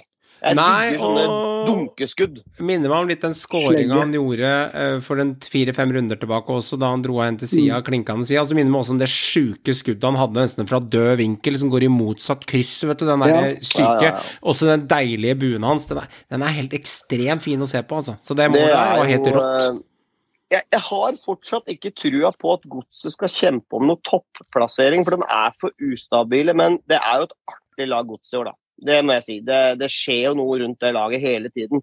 Lillestrøm kom ned på jorda igjen nå, etter å ha flydd høyt i Fugla. Fugla har flydd høyt lenge nå. Veldig Så, høyt. så, så, så er jeg veldig veldig spent på hvordan takler du dette første tapet. Mm. Det er jeg spent på. Mm. En kommentar til Emil Aasen. Det jeg hørte i intervjuet, jeg skjønner han ikke syns det var rødt kort eller strengt deg òg, det må du liksom si da for å komme litt unna med det, og det er greit. Men jeg hører også at han sier at vi må tåle dager som det her. Vi må tåle at Ja. vi får en nesestyver. Vi må tåle at vi blir klådd. Eh, Vi har, vi har vippet veldig mange kamper i vår fordel. I veldig mange kamper. Han er veldig objektiv på det. Nå fikk vi litt tilbake på at vi ikke var bra nok i dag, og da taper du sånne fotballkamper. Så jeg syns han var veldig fin, jeg, i det intervjuet der. Det syns jeg han var. Så er det jo bare spørsmål da, gutter. Hvor mye av huslånet ditt, leilighetslånet ditt eller jobben din skal du sette på at Fagermo får fyken? For nå, gutter, nå synker oddsen time for time. Nytt tap, og den her svei skikkelig mer om, for dette var mot gamle Odderne sjøl. Ja, skal ikke tape mot gamlejobben, holdt jeg på å si. Syns de stanger fælt. Eh, Det er så mange spillere som skal bort, som ikke skal være der. Du får liksom ikke noe langsiktighet i elveren din, i laget. Altså hva er det du gjør på feltet daglig når du ikke har noe Altså når du veit at halve elveren din skal bort, og du skal ha en ny halvpart inn. Jeg kan se for meg at det er vanskelig for Fagmo, men dette må han stå i. Eh, De underpresterer som bare det nå. Det ser du jo klart og tydelig. Det er åpenbart at det har, det har vært en ukultur i garderoben med at folk eh, får holde på litt som de vil. Eh, tjener kanskje litt for mye i forhold til hva de presterer. Jeg tror det er mange spillere som må gå inn i seg sjøl også. Så tror jeg det må ristes litt i klubben. da. For det er jo åpenbart at det er mye som ikke stemmer der. Men nå har Jokke Jønsson et stort, viktig vindu å vise til. Og se hvor, eh, hvor lista ligger i forhold til hva de gjør for å kvitte seg med spillere, og få spillere inn. Så jeg er veldig spent på poengene etter vinduet, men for min del jeg gir det maks fire-fem kamper til. Begynner de ikke å vinne nå, så ryker jeg. Jeg er enig med han, og De fikk litt pusterom eh, med den eh, sluttspurten mot Ålesund sist, nå, men det hjelper jo ikke en dritt når du taper hjemme i neste mot nettopp Odd, som også er et lag som, de, som er rundt dem på tabellen. for Det var en jævlig viktig kamp for Odd også. De også er nedi, der. Det er kjempeviktig for Paco og Odd å få den seieren. og Det er jo, det er jo Sparta Rotterdam-klare. Tobias Lauritzen eh, han er klar fra 1.8 sammen med Joshua Kutland til Sparta Rotterdam i Nederland. Eh, han gjør det han er best på, det er å smelle inn på huet i rein Frode Johnsen-stil. Eh, herlig scoring eh, av Tobias Lauritzen. Jeg, jeg si jeg syns nesten litt synd på poenget av den kampen. Altså, Maken til sjanser de skapte. Han Leopold på Valstedt han gjør sin livs kamp i det Odd-buret. Jeg har nesten aldri sett en keeper uh, ta altså, han, uh, han var umulig å skåre mål på. Det er det som kjennetegner laget i motgang. Da vil liksom ballen ikke inn uansett hva faen du gjør. Uh, og, og, og du ser at Vålerenga er nesten i villrede. Og Fagermo han ser ut som en slagen, sliten mann, altså. Er ikke mye glimt i øyet i den mannen der nå. Han ser ferdig ut. Taper de mot KBK neste runde nå, så, så burde han nesten ta hatten sin og gå. Altså, det kommer han aldri til å gjøre. Men, men det er, eh, det er eh, være eller ikke være for, eh, for Fagermo, tror jeg. altså. Kan fort Det du, det.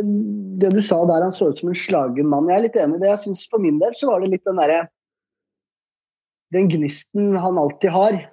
Den der, den gløden, den, den derre karismaen, den var litt borte. Du ser at han har det ikke helt bra om dagen. Det Jeg tror det er vanskelig. Hvor, hvor, hvor legger du lista? Hvordan skal du være i media? Hvordan skal du framstå foran spillerne når du veit at halvparten skal ut? Altså det, jeg tror ikke det er lett. Han ser litt redd ut for neste spørsmål som kommer fra journalisten. Ja, Jeg synes han. vet det som er, dette, her, dette her er en mann selv om han har vært en lang lang karriere i norsk fotball, i, i Notodden, Godset og lang lang, lang tid i Odd. Det er de klubbene han har vært i. I hvert fall av, av betydning. Eh, det har egentlig vært lite motgang og lite press hos Dag Eilert Fagermo. Korrekt. Dette er, dette er noe helt annet. Han er oppe i, uh, i the big leagues nå, på en måte, i en storklubb. Der det er forventninger og trøkk. Han takler dårlig denne motgangen. Du ser det på han. Han er prega. Rett og slett prega. Og, og Jokke Jønsson, ja, de går ut og freder treneren. Trøym, ut og frede treneren. Her skal vi, nå må spillerne levere bedre, osv., osv. Altså, taper garderoben, så er du ferdig. Det veit alle. Og det er frustrasjon, det er dårlige holdninger. Mange spillere på vei ut. Nå leste jeg i, dag Kjetil Haug, keeperen. som var erstatter til Claesson, han har eh, blitt solgt til Toulouse og har spilt sin siste kamp. Mm. Så de må også ha inn ny keeper. Toulouse. De må ha inn ny stopper. De går for Rossbakk De inn- Rossbak i Odd. Det er sånn klassisk Det, det, skal du ikke se, det skal du ikke se bort ifra. Mm. Men Nesberg, Nesberg som er klippa der, han som er klubb, eh, klubbhelten også, han er ferdig. Han skal til Pauk. Ørnen Mm. skada i gåsetegn, hvem veit. Mm. Han er på vei bort. 100% Udal leverer ikke mål. Han er kanskje også fort på vei ut. Dønnum Det er tid. Dønnum, Ishmael Dønnum er, drar tilbake. Det er flere. Altså Dønnum og Ishmael er ferdig, det er flere. Uh, Lajoni, hva skjer der? Han ser ikke fornøyd ut, ferdig, får det ikke til. Eh, skader på Odin, Odin Thiago Holm, som det alltid snakkes om. Alltid skada. Spiller ikke. De har også for like spillere uten X-faktor på midtbanen i min, i min, i min bok. Oldrup Jensen, Petter Strand, Skjønner, Bjørdal. skjønner Det er oppsummeringa. løpe, løpere som ikke har noen kreative fibre. Men Der sliter de. Men det er litt sånn, har vi liksom blitt litt lurt her? fordi at Før sesongen så eh, var jo Vålerenga oppe på alle slepper om at i år kunne det virkelig løsne. I år kunne det bli en greie. Kunne dette være sesongen? Og det var det mye snakk om i fjor. altså. Det er litt sånn De er jo ikke noe Jerv og HamKam, det laget her. Ikke sant? Vi, vi skal se liksom eh, ærlighetens time her og mer om. Jeg syns liksom at vi må eh, Altså, kan det ende hvor Vålerenga har et ledelsesproblem. Ja, det kan- De ja, hvor altså, de. Dette har de vist i alle år. Ja. De klarer ikke å drifte klubben. De klarer ikke å ha det presset om å være hovedstadsklubben. Uansett hvem de henter inn, de presterer ikke. Og alle dem som går ut igjen fra Vålerenga, de presterer. Ting er ikke tilfeldig lenger. De må se på styret sitt, de må se på ledelsen sin. Og se Ja. hvor er det vi har feil og mangler. De må ta en evaluering, for de pisser på klubben årlig. Jeg vil ikke være så standhaftig og si nøyaktig Jeg sier det som det er. Ja, det kan godt hende. Du sier det som er. Jeg vil være litt mer ydmyk på å si at jeg vet ikke helt hvor, hvor problemet kanskje ligger henne. Eh, fordi at det, det er mye kompetanse i veggen der også. Samtidig har de surra mye, og det er jo sånn klassisk sjuendeplass. Det blir sånn rykte på seg med det. Men er det fare for at vi kan se et lag som altså Kan det ende med en sånn branngreie at de rykker ned, faktisk? Altså, Kan det skje, eller er disse, de andre lagene er for dårlige her? Hva, hva, hva tenker dere rundt det? Skal vi drodle rundt, rundt den eh, ubehagelige tanken der? Altså, per nå så er det jo De har spilt tolv kamper, stemmer ikke det? Jo, de har spilt tolv. Ja. De ligger på kvalik. Ergo de står med begge beina planta i nedre streken- streken. Vålerenga er ikke for gode til å rykke ned. De er der av en grunn. De er det tredje dårligste laget i ligaen per nå. Så enkelt er det. Det er bare å se på tabellen. Det er ikke bare Bare spør Brann. Bare spør Viking. Bare spør LSK. Det er ikke sånn at noen er for gode til å rykke ned. Eh, og hvis ikke de klarer å levere Det er ikke sånn, det er ikke sånn at du bare du må vente til vinduet åpner heller. For Da blir alt så mye bedre. Det er en faen meg en jævlig jobb, eh, stor jobb som Jokke Det er. Jønsson og resten av teamet må gjøre der. For å tette de hulla også. Det er ikke bare å knipse så blir alt bra. Og den jobben må de også begynne å gjøre før det vinduet åpner. Det er mange kamper igjen før det. Det er Så, det. så det, er det, det, det, er det brenner under beina i den klubben Det brenner Altså. på dass. Det, Altså, rett og slett. La meg ta det med vise deg med tall, Krog, fordi det liker du. Kom igjen. Kjør. kjør. De har skåra 12 mål. Mm. De har sluppet inn 22. Så Mhm. tar du Haugesund, da, som er på plassen over, som er på trygg grunn. De har skåra 20 mål og sluppet inn 24. Altså, de skårer jo ikke mål. Ja, de maler på, de maler på, de produserer, de spiller fin fotball. Men det blir så lite ut av det, samtidig som de lekker bakover. Vålerenga er i store problemer. Ja, selvfølgelig kan de ende opp i kvalik. Det er ikke noe som heter at de er for gode for det. Spør Stabæk og Brann, som ligger og pisser nede i Obos-ligaen. Eh, Jeg tror personlig ikke at de rykker ned, eh, men de må, de må passe seg nå. For den der eh, spiralen inne nå, den, den er vanskelig å komme ut av. altså. Og det som er interessant, Veldig. at det er Kjartansson, Ørden Kjartansson han skulle liksom være tilbake på gammelt nivå og gjøre comeback etter en svak fjorårssesong. Altså, han er jo nå på kant med klubben og ledelsen, uh, trolig. Vil bort vil vekk. Da sitter de igjen med Udal. Så jeg er så spent på hva de klarer å diske opp. Altså, jeg har, jeg har Hva skal- ja, hva skal inn? til Joakim Jønsson. Og Joakim Jønsson har også lagt hodet på blokka. Han har slakta sportslige ledere og, og klubber i mange mange år i sin rolle i mediebransjen. Det er hans rolle, det er hans jobb den tiden. Men han må opp til eksamen og levere, for det står om arbeidsplasser og plassen i Eliteserien nå. Altså. Yes. Hmm. Ja, Det er ikke bare bare. Jeg vil si to ord om uh, Rossbakk, reservekeeperen til Odd.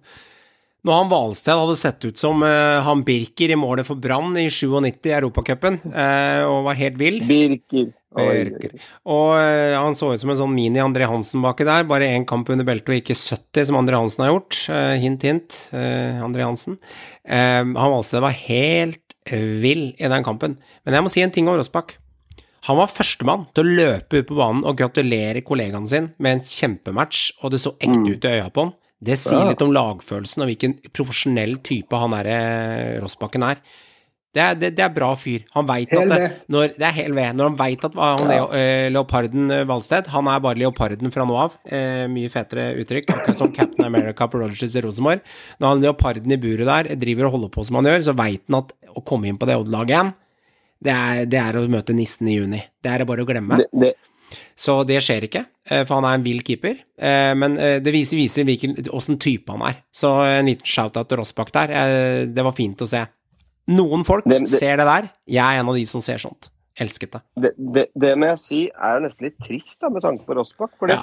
det var jo en, en keeper som debuterte i veldig ung alder og vært en bærebjelke og en klippe. Og folk, han var, på, landslagstroppen. Fortsatt bra alder òg. Folk, folk, ikke sant? folk venta på at han skal ta steget ut Ja. og bli en sånn ny landslagskeeper. Plutselig så, han, plutselig så havner han på benken i Odd, Ja, ja. sitt kjære Odd, og kommer seg ikke vekk fra den benken. Nei. Og det er jo helt tragisk for hans karriere. Han var jo primen i sin alder. Ja, han gikk riktignok litt svakere, og så mista han plassen, ikke sant. Han kommer seg ikke vekk fra den benken. Så han må jo bort. Og det For å få- sjukeste det sjukeste med Rossbakk Håvard, det er at hvis du tenker på det som keeper, ikke sant Eh, Du har jo sett hvordan enkelte keepere som ikke har stått i mål på tre år, kan gjøre comeback uten å ha tatt igjen ball i 7. divisjon og gjøre det bra i to kamper. Ja, ja, ja, ja. Du har sett det. Eh, Det, det merkelige nok er at han har ikke, nesten ikke starta karrieren sin engang.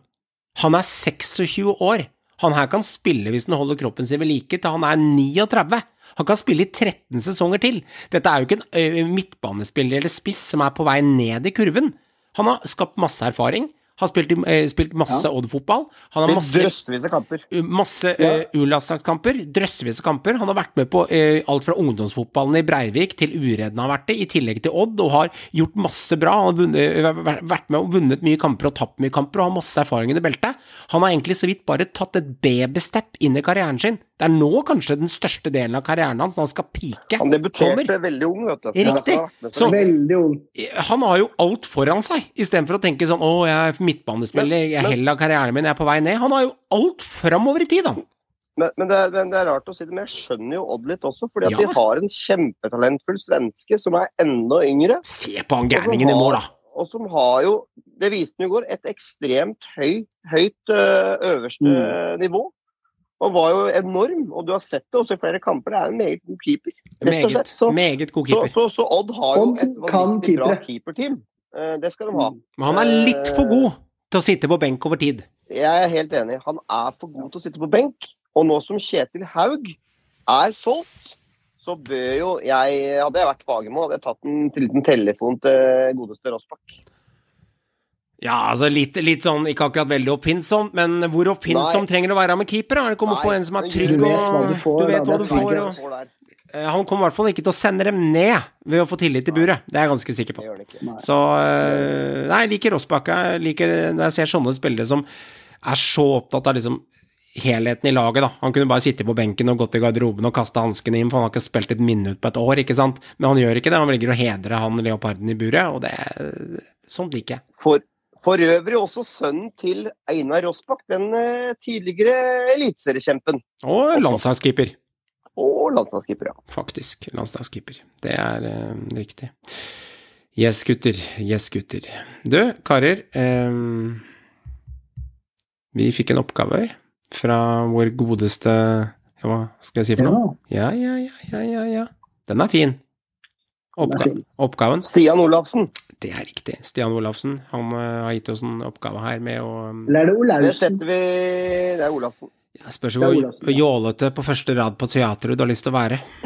Om det er Olafsen eller Olausen. Det er opp til deg, Men det, vi setter pris Stian på si spørsmål. Det, må, det skal vi si både på Twitter og Instagram. Og Ja, ja, ja, vi gjør det.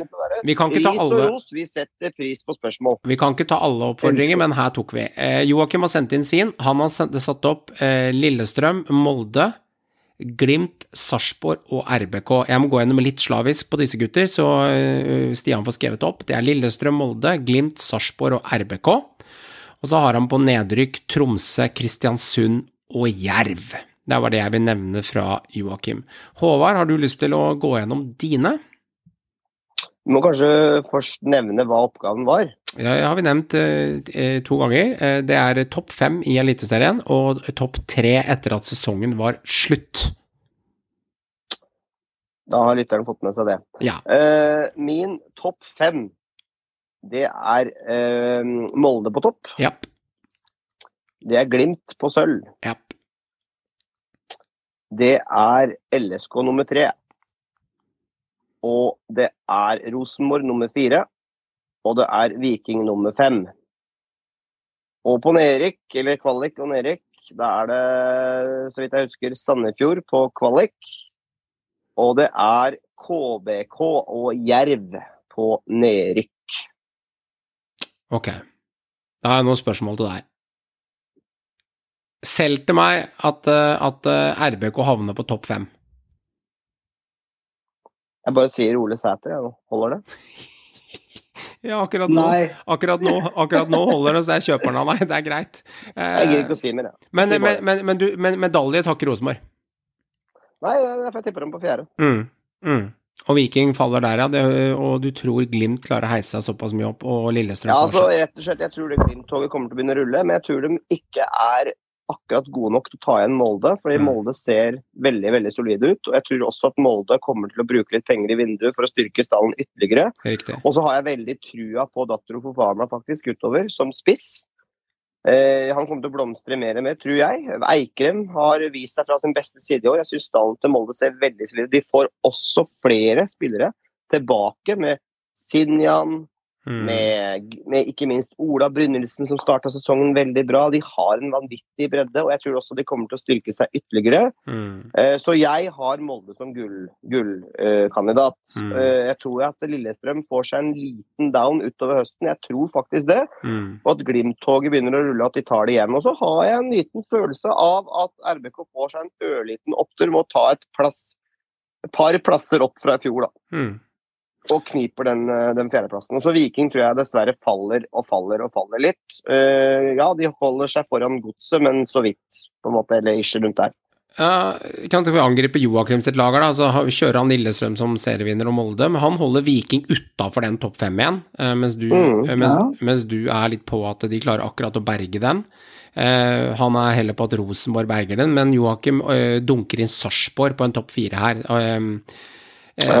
I bunnen hos deg, Håvard, så ser jeg at eh, du sier at Sandefjord får kvaliken. KBK kommer til å ta igjen Jerv. Altså det, ja ja, det kan godt hende de gjør, Ja. altså. Ja, da skal Jerv falle sammen som en potetsekk her, altså. Det tror jeg de gjør òg. Og det er fair. Det samme tror Joakim. Eh, han tror også KBK, eh, Jerv og Kristiansund der, men han bytter ut din plassering av Sandefjord med Tromsø. Ja. Og det er på en måte greit. Greit. Vi avslutter med deg i dag, Meran. Skal vi kjøre mitt lag først? Eh, jeg er enig med deg, Håvard, på Molde, Glimt og LSK. Der er vi spot on enig. Mm. Jeg dytter Viking opp på fjerde, og så kjører jeg Godset på femte og holder Rosenborg utafor topp seks. ja, Det er fair, det. Og så blir det sånn, ja, du prøver å sjarmere meg med litt sånn Ole Sæter. Eh, mulig du har rett i det. Eh, fett. Eh, ingenting jeg er mer glad for enn at hvis det skjer, men jeg holder faktisk RBK utafor denne eh, Joakim holder innafor topp fem, du holder innafor topp fem, jeg holder dem utafor, og så dytter jeg inn Godset. Litt ironisk, da. Jeg har mer troa på Godset enn Joakim, men han har mer troa på Rosenborg enn det jeg har. Så det, det er litt artig. Eh, jeg holder Kristiansund helt i bunn. Eh, Jerv rykker ned. Eh, og så legger jeg den på Tromsø, som er likt med Joakim. Eh, så der er vi ganske spot on igjen. Det er ikke så veldig store utspring. Det laget som skiller seg litt ut her, eh, litt artig, det er deg, Meran. Du kjører Glimt. Ja. Ta seriegullet, altså. Ja. Ja. Jeg, jeg tror det toget begynner å rulle og gå nå. Mens de andre lagene begynner etter hvert å bli litt mer shaky. Glimt veit hva dette her går i. Får den i gang maskineriet sitt fullt ut, så tror jeg ikke det er noen vei tilbake. Ok. Og så tror jeg eh, Lillestrøm eh, kommer til å få en dupp, som Håvard er inne på, men samtidig kommer til å prestere bedre enn i fjor. Jeg tror de kommer til å ta sølvet. Mm. Og så tror jeg Molde derimot får en crack, som jeg alltid tror hvert eneste år. Og Det pleier de å få òg, på sommer-høsten en eller annen gang med fem-seks kamper. Og merk, merk også at nå får de veldig mange spillere tilbake, og hva gjør Mo da? Jo, da rullerer han som han alltid gjør, og det har han alltid vist seg at det er feil. Det kan han ikke gjøre. Det må han Ah. slutte med, som Joakim bruker å si. ikke sant? Okay. Så de kommer til å få et luksusproblem etter hvert. Og så tror jeg Viking tar fjerdeplassen.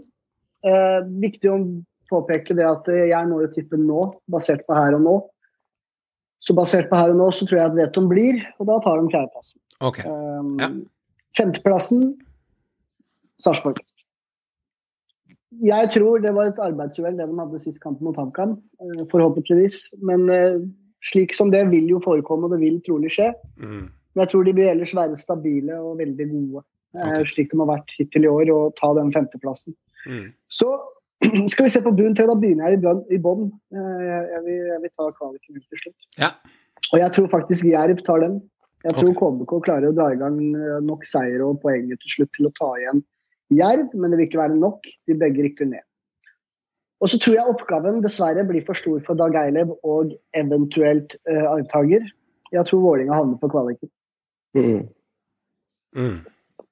De har en jævlig stor jobb foran seg, og det er på tide å våkne opp and og mer smell the coffee. Yes. Da kan du jo møte ditt kjære Stabæk i playoff, kanskje? Ja. Nei, for vi er ikke gode nok. Det kommer vi til etterpå. Vi skal ikke i noe kvalik. Ja, ja, ja. ja. ja, litt sånn artig å se, da. Vi ser at vi eh, samlet eh, Håper jeg du fikk alle svarene, Stian, du som sitter med statistikken her. Eh, vi kommer ikke til å notere det ned. Dette er en greie vi har levert til deg, så får du styre med det selv. Bare husk å ordne med sånn Turtles-klistremerke. Eh, men det jeg må si, er følgende. Eh, vi, har, vi har Glimt, Molde og Lillestrøm. Det er tre serievinnere på fire mann. Jeg og Håvard er enige med hverandre eh, med, med at Molde tar det, men det, det, vi kjører tre stykker der. Og så ser vi på kvaliken. Der er vi på to på Tromsø, én på Sandefjord og én på Enga. Så det er, det er også spredt. Det eneste vi er klink enige om, det er KBK og Jerv går ned. Det er ikke så veldig avgjørende hvem som havner sist eller nest sist av Nei, de. begge går ned. De går ned ifølge oss, det er vi klink enige om. Um, og så er Rosenborg, for å ta de litt sånn artig da, fra sida, de er på to av fire lag på topp fem. Meran og Johan, Nei, liksom... Meran og Johan tipper de utafor topp fem. Alle er, alle, er, ikke sant? Alle er enige om at Bodø-Glimt får medalje eller bedre, det samme med Molde. Så det er, det er litt interessant eh, å lese her. Det begynner å ut, utkrystallisere seg litt. Grann, så dette er jo bare ren synseri. Altså, det er, jo- kan sette mange varianter her. For en ting som er sikkert, Jerv og Kristiansund vinner ikke Eliteserien 2022. Det kan vi være enige om. Så utenom det, så ja, ja, ja. Og for å kunne klare å havne i disse posisjonene, Håvard, og for å kunne klare å sørge for at du overlever årets eliteserie, eller karre til deg medalje, for det er så potte tett at målforskjell kan skille i siste runde, hvem veit, så er det noe som heter overgangsmarked, og det er boblere, akkurat som champagnen sjøl i sommervarmen. Å ja da, det bobler og det bobler. Og det er så mange lag som trenger eh, nye spillere, både i topp og bunn, for å henge med enten den ene eller den andre veien. Og dette har vi vært inne på flere ganger nå. Det er allerede spillere som er klare for andre klubber. Eh, som nevnt, Kjetil Haug ut, eh, Enga, eh, Faye Lund inn, Glimt. Eh, det er eh, rykter. Pavle Vagic ut, RBK. Mm. Faktisk, jeg må si det er et varp fra Rosenborg hvis de klarer å selge han for en anselig sum. Det må faktisk han syns jeg har vært ræva. Så den i forrige kamp òg, eller? Feilpasninga igjen? Ja, altså han, altså hvis, hvis en, hvis en klubb som Lech Poznan faktisk kjøper han, da må jeg si at uh, gratulerer Dozhin og De Rosenborg kan, de kan Med umulig ha sett den. med et godt salg. Altså Han var jo i den svenske landslagstroppen sist. Det en god sier- agent, det, det sier jo litt om hvor stoppeproblemet Sverige hadde når han var i troppen til Sverige. Kanskje er det de så var han var kalt inn i troppen. Da prøver vi Ja. Kanskje de så ja, jøss, han er i landslagstroppen, han spiller i en OK klubb i Norge, da kjøper vi tar. Eh, men, men uansett. eh, og, og lista er lang. Torgeir Børven ryktes hit og dit. Det har vært snakk om Odd, det har vært snakk om Vålerenga. Det er mange klubber som trenger spiss. Jeg tror det kommer til å bli et vanvittig vindu. Og uh, ikke minst, uh, Johan, så er det mange spillere som er Bossmann-spillere, og som Ja. er ute av kontrakt Mange. og som er, eh, har bare et halvt år igjen. og Ergo de kan begynne å forhandle med klubber allerede i sommer, hvis ikke de skriver ny kontrakt med sine respektive klubber. og Du skal sikkert nå nevne litt spillere som er på vei. Kanskje Ja, kan starte i Glimt. eh, I hvert fall de som er mest spennende her. eh, eh, Kan ta fire av dem. Samsted, Haikin, Solbakken, Pellegrino. Noen av de vil kanskje signere på nytt. Anders Konradsen, gamle Rosenborg godslegenden, han, han sier nok takk for seg og trapper nok ned, tror jeg, og ikke får ny kontrakt der. Det var min spådom. Men Pellegrino, Solbakken, Haikin og Samsted, det er ingen dumskaller dette, Meran, og noen kommer sikkert til å forsvinne Nei. utenlands, men hvem kanskje Ja. går til Jeg er ikke sikker på at Pellegrino Han er litt typen som Han blir. Ja, jeg er, ikke- jeg er ikke like sikker på den. Eh, faktisk, han er en spiller som plutselig kunne gått til en annen klubb. Jeg bare tenker det, men eh, vi kjenner han jo ikke sånn. Men det er min kjensle. Liten kjensle jeg har. Jeg tror eh, Pelle han blir enten i Glimt, eller så går han til Godset og Drammen. For han er glad i Drammen og Godset, det er han. Han er, han er det. Eh, og kanskje han har lyst til å avslutte karrieren mens han fortsatt er på et ganske bra nivå hjemme i Drammen. Hvem veit? Eller så blir han værende. Han går Mm. ikke til utlandet, tror jeg. Det, det tviler jeg på. Mm. Ellers så tror jeg det er nærliggende å tro at Solbakken eh, forsvinner. Han har vel strengt talt meldt det òg, har han ikke det? Mm. Han sa bare at eh, hvis han blir, så er Glimt et perfekt sted for han å utvikle seg. Eller det er et fint sted å være fram til han går. Men eh, hadde jeg vært Glimt nå, så hadde jeg lagt inn mye for å forlenge med Samsted og, og, og Pelle, i alle fall. Og selvfølgelig så langt det lar seg gjøre med Haiken Solbakken. var en god keeper, altså. Men da har de henta Ja. Faye da. Nå har de henta hentet Faye Faye Lund, Lund ikke sant. Jeg tror ikke Faye er noe dårligere enn. Haiken. Jeg tror ikke Faye er noe Nei, Det er nærliggende å tro at i Haiken er på vei ut. Mm.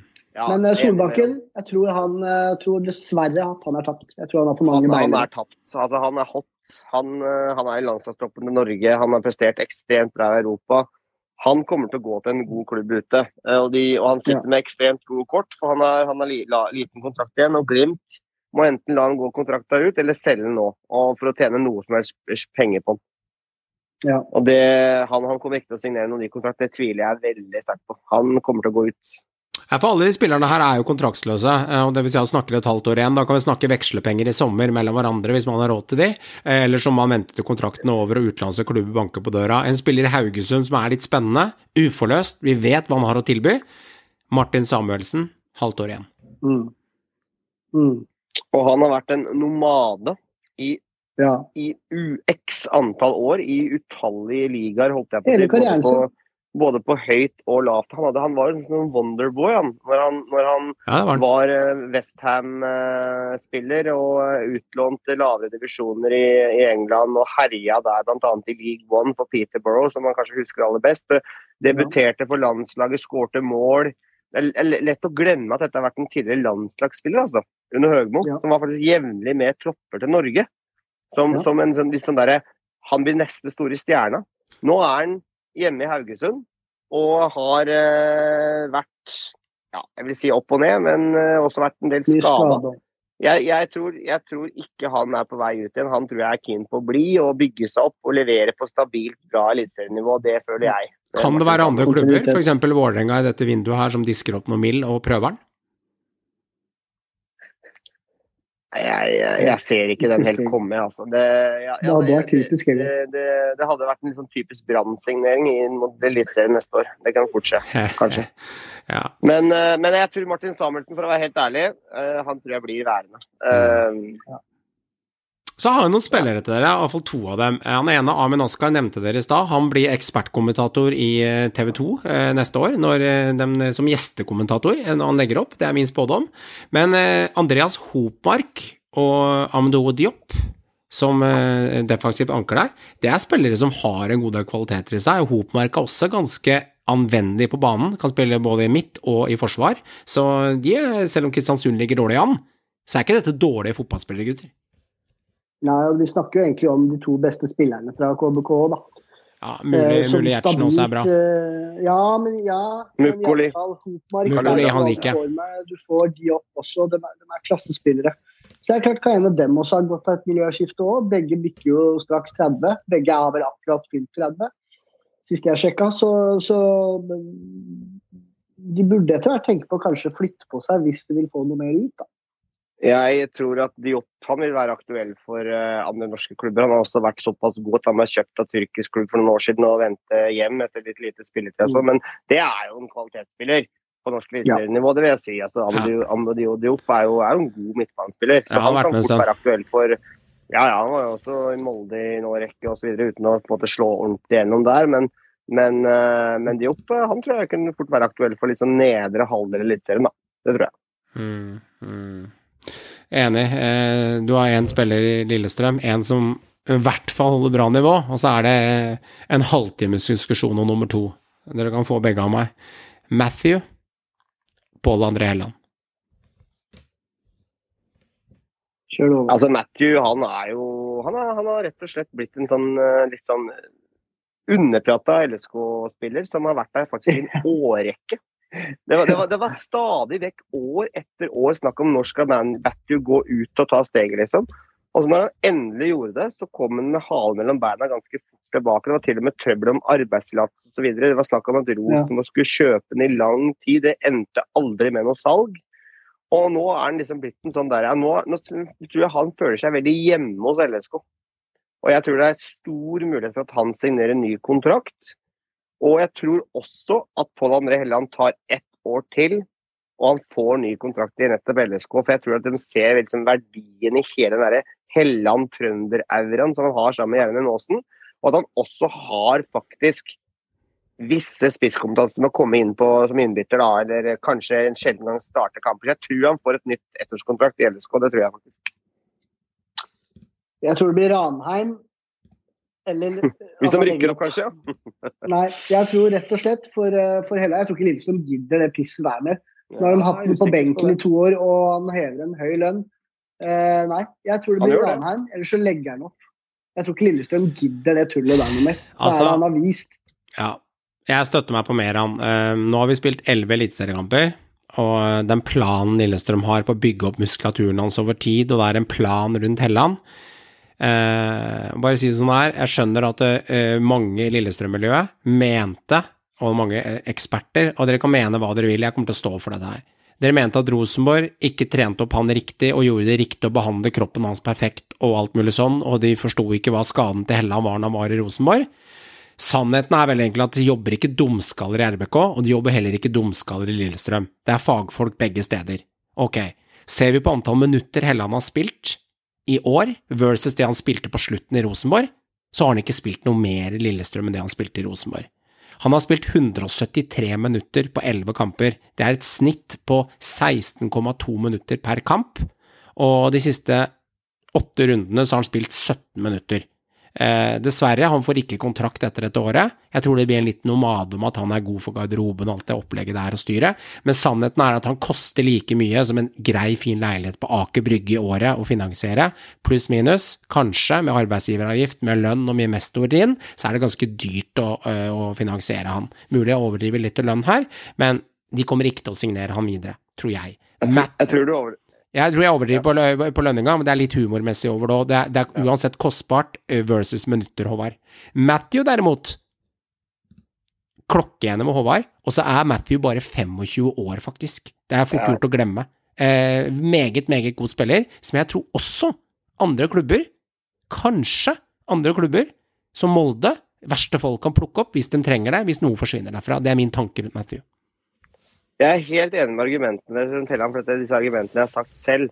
Jeg bare sånn, har bare en sånn fornemmelse over at han får ny ettårskontrakt av LSK. Okay. Hvis, de tar, hvis, de tar, medalje osv. Og, så videre, og det er liksom hallelujastemning, ja. så tror jeg at uh, Helland fort kan uh, karre til seg en ny ettårskontrakt. Og det tror jeg han er gira på sjøl, for jeg tror han ja. elsker å være fotballspiller. Man har jo en kommende karriere som TV-ekspert, og sannsynligvis da for TV 2, når den tar over rettighetene. Men jeg har bare en sånn fornemmelse at han får ett år til. Ja da, og det kan du ha rett til, det. Altså, eh, eh, eh, det blir ikke så veldig mye mer enn en ettårskontrakt. Da vil de være dumskalle hvis, de gir, dem gir mer enn ett år. Ja, det er uh, I Molde, gutter, så skjer det en god del.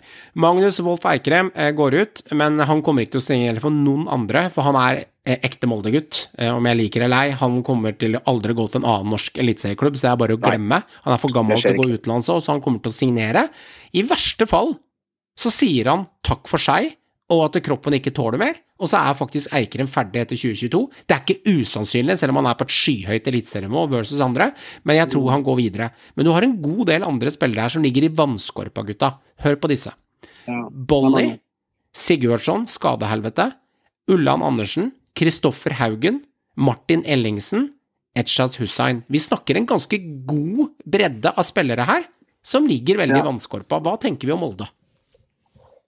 Veldig mye gode spillere, og jeg er veldig sikker på at Eikrem blir, blir værende i Molde. Og de er veldig fornøyd med at han er den han er, og presterer det han gjør nå for tiden. Og Han holder en 60-70 minutter, men vet du hva? Det viser at det holder i massevis Ja, ja. for Molde. Ja, ja. Og han er faktisk ikke så gammel, men kroppen hans tåler ikke så mye. Men han kommer til å være med videre i flere år. fordi at det, den rollen han har nå, som mentor og playmaker og maestro, men han holder bare 60-70, det holder for Molde, det.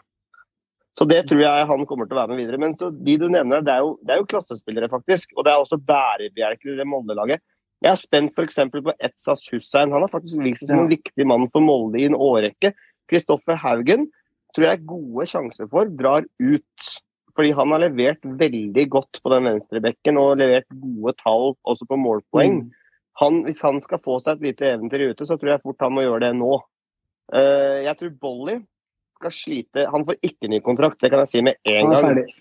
Han er ferdig. Han, det blir Obos eller et båndlag i Eliteserien hvis han skal ha Men jeg tror ikke han er keen på å legge opp heller. Men han har jo slitt også voldsomt med skader. Men, eh, men sånn som Ellingsen og sånn, det er gode spillere, altså. Martin Ellingsen er god, av skadeplaga, men god spiller. Mm. Men usikker på om han får ny kontrakt, faktisk. Mm. Molde sikter jo høyt. ja, ja. Hva tror du med Erling Knutson, da? Håvard? Jeg tror Erling Knutson han øh, går enten hjem til Lillestrøm. øh, Jeg tror ikke han får ny kontrakt i Molde, eller så legger han opp. Mm. Mm. Tror du Lillestrøm vil ha han nå? Trenger de? Nei, gjør de det? Spørs, spørs, spørs. spørs. Jeg, jeg tror fort han kan øh, finne på Han er en veldig godt trent spiller. Han kan jo holde det gående lenge. og Han er også faktisk en sånn potet i Molde. da. Kommer inn på kant, kommer inn på bekk, gjør en jobb. Veldig sånn treningsspiller som egentlig, sjelden, som egentlig er sjelden svak. Er perfekt Han er, Hornland-spiller, han der. Ja, men han er en veldig grei spiller å ha i tropp. Jeg tror ikke han er typen som klager så mye heller. Han gjør jobben. Nei. Ja, men det, det, det inntrykket har jeg òg. Jeg er helt enig i det, i det du beskriver der. Og Molde har mange spillere som går ut av kontrakt, og et halvt lag, så eh, må Odd gjøre noe med forsvarssjekka si for eh, Espen Ruud og Steffen Hagen, som til sammen fyller eh, par og 70 år. De gutta der, de er, de er ferdige etter sesongen. Kan noen av dem signere på nytt, tror dere? Jeg tror faktisk det er eh, gode muligheter for at begge blir med videre et år til. Det, altså Espen Ruud han, han ser jo fortsatt ung og sprek ut, han. Og Steffen Hagen noe eh, gærent med genene til han Ruud, altså. Han ser så ja, ung Ja, ut. ja, det er helt, helt rått. Han, eh, holder, han er løper opp og ned langs sida fortsatt og leverer fortsatt målpoeng. og eh, Steffen Hagen har jo aldri vært skada før nå. Eh, Jeg tror, også, jeg tror han fort også kan ta ett år til. Eh, De er jo bærebjelker og bautaer i Odd. og Jeg tror fort at eh, mye av den kontinuiteten går litt bort med Steffen Hagen og Espen Ruud også, eh, i et ellers ganske ungt lag. Mm. Så eh, nei, jeg tror de fort kan bli med videre. Og det er ingen andre klubber i Norge som er aktuelle. For ingen andre klubber signerer signere dem heller, for de er for gamle. Mm. Ja. Mm. Jeg er enig i det Håvard beskriver der. I Rosenborg så er det Faye Lund som går ut. Der er saken biff i Glimt. Og Per Siljan Skjelbreid går ut etter sesongen. Han kommer ikke til å signere ny. Eh, Jeg tror han har en avtale om å jobbe i akademiet til RBK, sånn som Tetti Han tror jeg legger opp. Ja, han legger opp. Eh, Ja. Det kommer til å gjøre de. Rosenborg har for mange på midtbanen der eh, som kommer til å Altså, ingen dårlig fotballspiller, ingen strålende fotballspiller, men eh, det, det er eh, på slutten av middagen for, for Skjelbreid nå. Han er ferdig nå, så han kommer til å være med det siste halvåret, og det er greit nok. Vi snakker litt om en Sandefjord-spiller som er litt underprata, mener jeg. Og det er keeperen, eh, straffespesialisten Mm. Jakob eh, Storvik.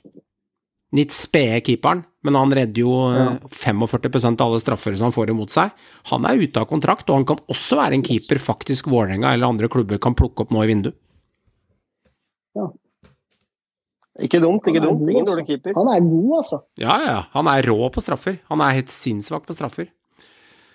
Så kan vi jo begynne med Sarpsborg-karer. Da kan dere bare tenke dere hvor mange spillere som er ute av kontrakt snart. Det er elleve spillere. Ja, eh, det er det i hvert fall. Og Jørgen Horn, han er ferdig, det er jeg ganske sikker på. En eh, spiller jeg vil ta opp her, er Molins. eh, Ole Jørgen Halvorsen, eh, en ganske anvendelig spiller. Anton Saletros. Fardal Opseth har vi sett prestere før. Steffen Lie Skålevik havner i Obos. Joakim Soltvedt, eh, anvendelig Vingen Bekken, og Rashad Mohammed. Eh, Det er en ganske god blanding av miks her, og så har vi en spiller som har tatt eliteserie med storm i år, Jonathan Linseth. Jeg tror at Linseth og Saletrots det er spillere de er veldig kine på å beholde. Naturlig nok, for det er kvalitetsspillere. Hvis de får, hvis de får beholde dem. Ja, de er, de er veldig keen på å beholde de, men det tror jeg fort at de ikke gjør. fordi Mm. at eh, skal de få noe som helst penger, så kan de fort gå i, i sommervinduet. Da blir Sarpsborg svekka. For de er veldig, veldig viktig for det laget, og både offensivt og balansen i laget. Men jeg tror resten av den lista der, de tror jeg fort kan forsvinne ut. Fordi Mm. eh, både med alder Ja, han begynner å bli dratt på åra, skadeplaga. Eh, jeg er litt usikker på det. Så rå 3-34 som han har vært i år. Ole Jørgen Halvorsen 3-34-35. Eh, mange av dem drar på åra, mange av dem er ikke gode nok. Jeg tror mange av de andre forsvinner fort. Ja, men Det tror jeg også på de andre. På de andre. Spesielt Rashad Mohammed og ikke minst Halvorsen. Mange av dem som ikke er gode nok lenger og, og, og ikke har Sirkelen prestert slutter nå. eh, jeg tror fort at uh, Men Saletros og Linseth, kvalitetsspillere. Uh, som jeg tror de skal slite med å beholde, for å være helt ærlig. Altså, Vi snakker om mange spillere her nå som vi drar opp navnene på, som ikke engang spiller fast. Nå tenker jeg ikke på Saletros og den gjengen der, men den andre gjengen. tenker jeg, fader, Hvordan er lønningsposen eller lønningssekken til Sarpsborg? Hvor mange spillere har den på kontrakt som ikke spiller?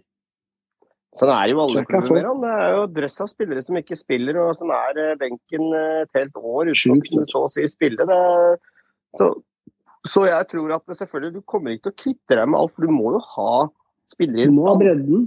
Du må ha bredden. Du, må, du har alltid masse spillere som ikke spiller, men den er en del av en stall. ikke sant? Så, Mm. Mm. så selvfølgelig er det ikke sånn at klubbene kommer til å kvitte seg med alt mulig heller.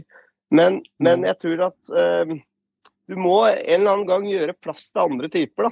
Kanskje yngre spillere osv. Hente noe utenfra. Det har vært mye gjennomtrekk i Sarpsborg. Jeg tror fort det kan være det igjen. Mm, mm. Eh, Godset snakker jo om Tokstad, Gunnarsson og Fred Friday. Gunnarsson er bare kvitt seg med, eh, ikke i nærheten av nivå. Eh, Tokstad er litt mer usikker på. Tokstad også. Fred Friday er også litt usikker på en eh, meget ekkel spiller å få has på maskinen han spiller. Eh, de tre der er vel kanskje de jeg trekker opp av hatten her mer om. Jeg er fullstendig enig i Togstad.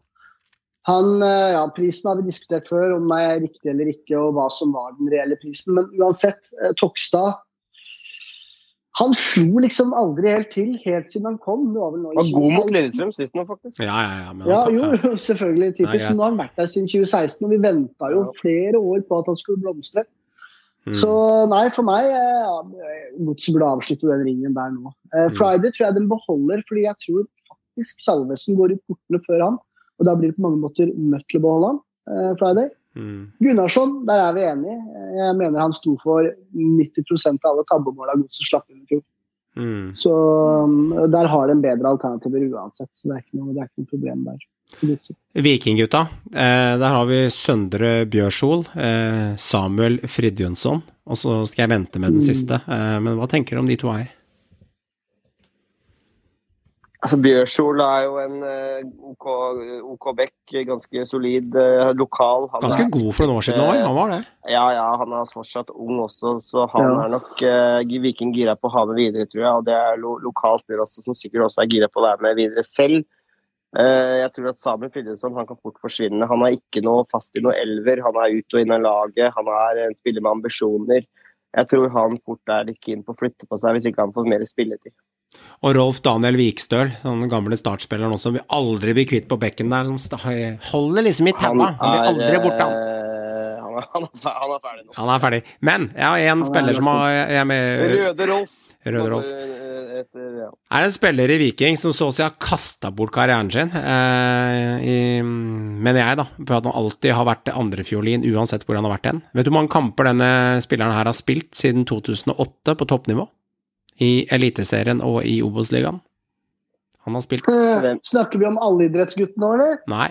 Han har nesten kasta han bort, men han har ikke gjort det. Han, har ikke, han er kasta bort mye på- Han er kasta bort mye verre.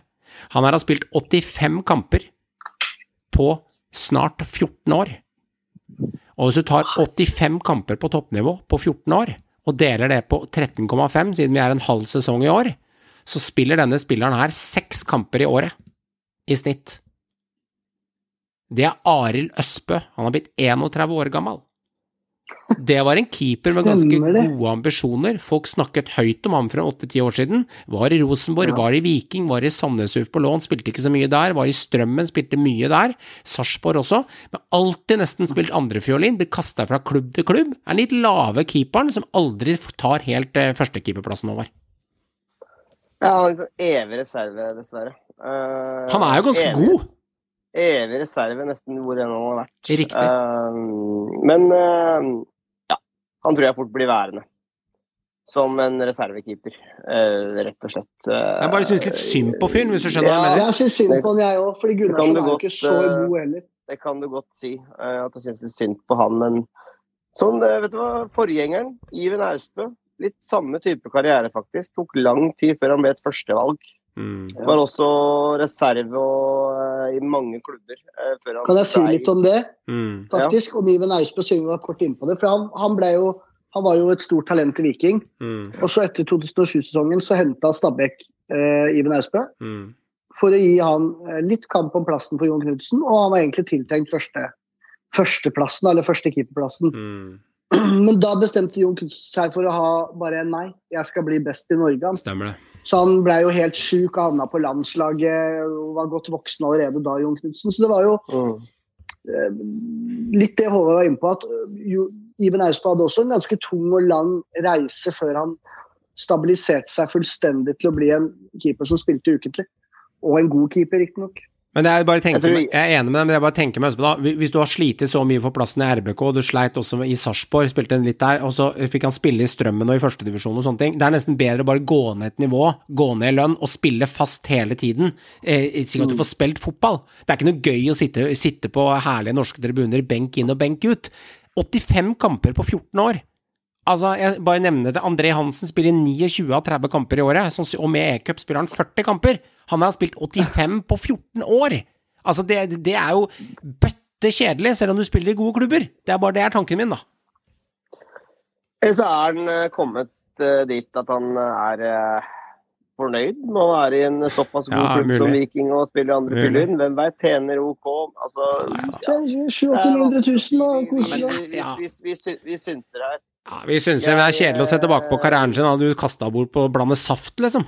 Jeg Altså, glemmer ikke, jeg glemmer ikke bare en liten shout-out eh, til Eirik Markegård, den gamle godsespissen eh, som også var i Stabæk og, Follo. Jeg husker jeg møtte godeste Eirik eh, Markegård, som er fra Hemsedal. Han møtte han på, ute på byen i Drammen for en god stund tilbake. når han var godsespiller. Og så lurte, lurte jeg på byen å spille til snart, Eirik. Er du, er du på vei inn, inn på laget snart? Jeg koser meg. Jeg tjener gode penger og sitter på benken og spiller i andre tredjevisjon og bøtter inn. Og har kontrakt med Godset. Det var den tida Godset var ganske gode, faktisk. Det var da han gjort ganske gode sesonger i Follo. Så eh, poenget er det er nok en del spillere som er fornøyde også med bare være i OK klubber og tjene greit, men også ikke spille så mye. Det ser vi også i utlandet, ikke sant. Så folk er enkle. Det er ikke alltid at spilletid har alt å si. Det er greit. Det er et godt poeng. Eh, karer, det er mange spillere. Vi gikk gjennom ca. 50-60 av dem, og vi kunne fortsatt og vi kunne fortsatt og vi kunne fortsatt. Overgangsvinduet åpner 1.8, og det stenger 31.8. Det er ikke så lenge igjen før det åpner og stenger, og det må skje noe i ganske mange klubber. Og lykke til der ute. Du fikk i hvert fall lista oss på hvem som er de mest hete navnene i norsk fotball akkurat nå innad i Norge. Obos-hjørnet, karer. Hva er det som skjer der? Og fortell meg litt om eh, det eventyret Brann. Bare, fortsett. Det gir seg aldri over. Bare fortsett. Obos-ligaen! Verdens vakreste liga! La oss bare være der evig og vinne kamper. Lage fest på stadion, lage fest Mye folk. kokende, kokende idioter på bortebane, osv., osv. Nei, eh, altså Brann er er rett og slett for gode for Obos-ligaen. Det I hvert fall enn så lenge. Så er Vi er blitt der nå. Eh, ja, men det er jo bare å se nå. Faen, det er sjukt, vet du. syvende strake seier. Eh, Ennå ikke tapt. Ta rent bord, da. Eh, har nå seks poeng ned til Ranheim på andreplass, som faktisk har kara seg opp på en andreplass til Ranheim. Eh, begynner å lukte på opprykk igjen, godeste trønderne fra fjæra. Eh, men Brann ser akkurat ut nå som et altfor godt lag for, for resten av de lagene i den ligaen. Og har også syv poeng ned til eh, Hjelp meg, Meran. Uh, på tredjeplass. Dere har uh, syv poeng ned til Mjøndalen. Seks poeng ned til, ja, syv poeng ned til som okay. Tapte igjen i dag mot Sogndal, og nå har en rekke på fire kamper uten seier hvis du tar med cupen. Okay. Så Mjøndalen har Mm. møtt litt veggen. Branntoget bare ruller og går. Vi har den breieste, største og beste stallen uten tvil. Trenger ikke gjøre en dritt i overgangsvinduet. Kanskje bare kvitte seg med litt spillere og sende dem på lån osv. Dette holder i massevis for å rykke opp, og det kan jeg si nå etter ikke halvspilt, men akkurat nå så ser Brann altfor god ut for Obos og kan kanskje lukte på å sette eh, rekord hvis han fortsetter sånn. Men det er jo selvfølgelig lenge igjen. Men akkurat nå ser det jo veldig veldig, veldig lovende ut for mitt lag, da. Det må jeg si. Stabæk sin del så er det ingen lag som skal komme her og tro at de kan skåre på oss, for det gjør de ikke. Vi har sluppet inn totalt fire mål. Men samtidig da, så er, eh, er det ingen lag som tror at nå skal Stabæk komme og skåre på oss. For det gjør vi faen ikke heller. Men, men alt i alt, vi, vi slipper jo ikke inn mål, da. Men, eh, Vi har ikke Det er sluppet inn, eh, sluppet inn seks kamper siden sist mot Grorud 1-1. Men samtidig, vi har vunnet fem kamper. Vi har spilt fem uavgjortskamper. Vi har riktignok tapt én, det er jo bra at vi ikke har tapt mer. Men jeg skulle gjerne sett at vi hadde egentlig noe som helst å vise offensivt. Jeg Mm. skulle gjerne sett at vi hadde en trener som hadde baller nok til å egentlig gjøre noe. Gjør noe som helst under en kamp. Ikke vent, ikke, ikke gjør det du har skrevet ned at du skal gjøre før kamp. Og det er å ta et bytte du har planlagt i det 60. minutt, og sette inn på to-tre stykker i det 83. eller 87. minutt. Ja, du klager fælt på på kjønnet. Han er så forutsigbar at jeg lurer på hvem ga ham trenerlisensen?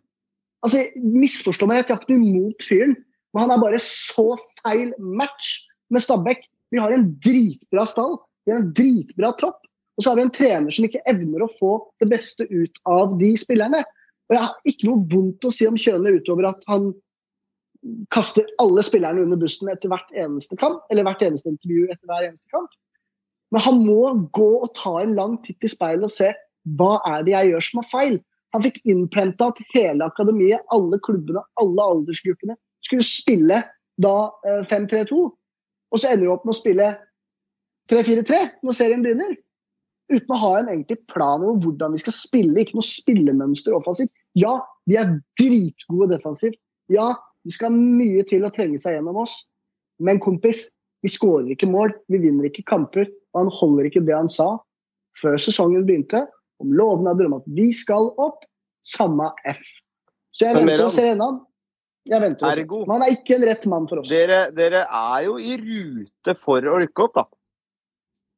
Dere er Det kun tre poeng bak nummer to som de direkte Det er jevnt her, altså.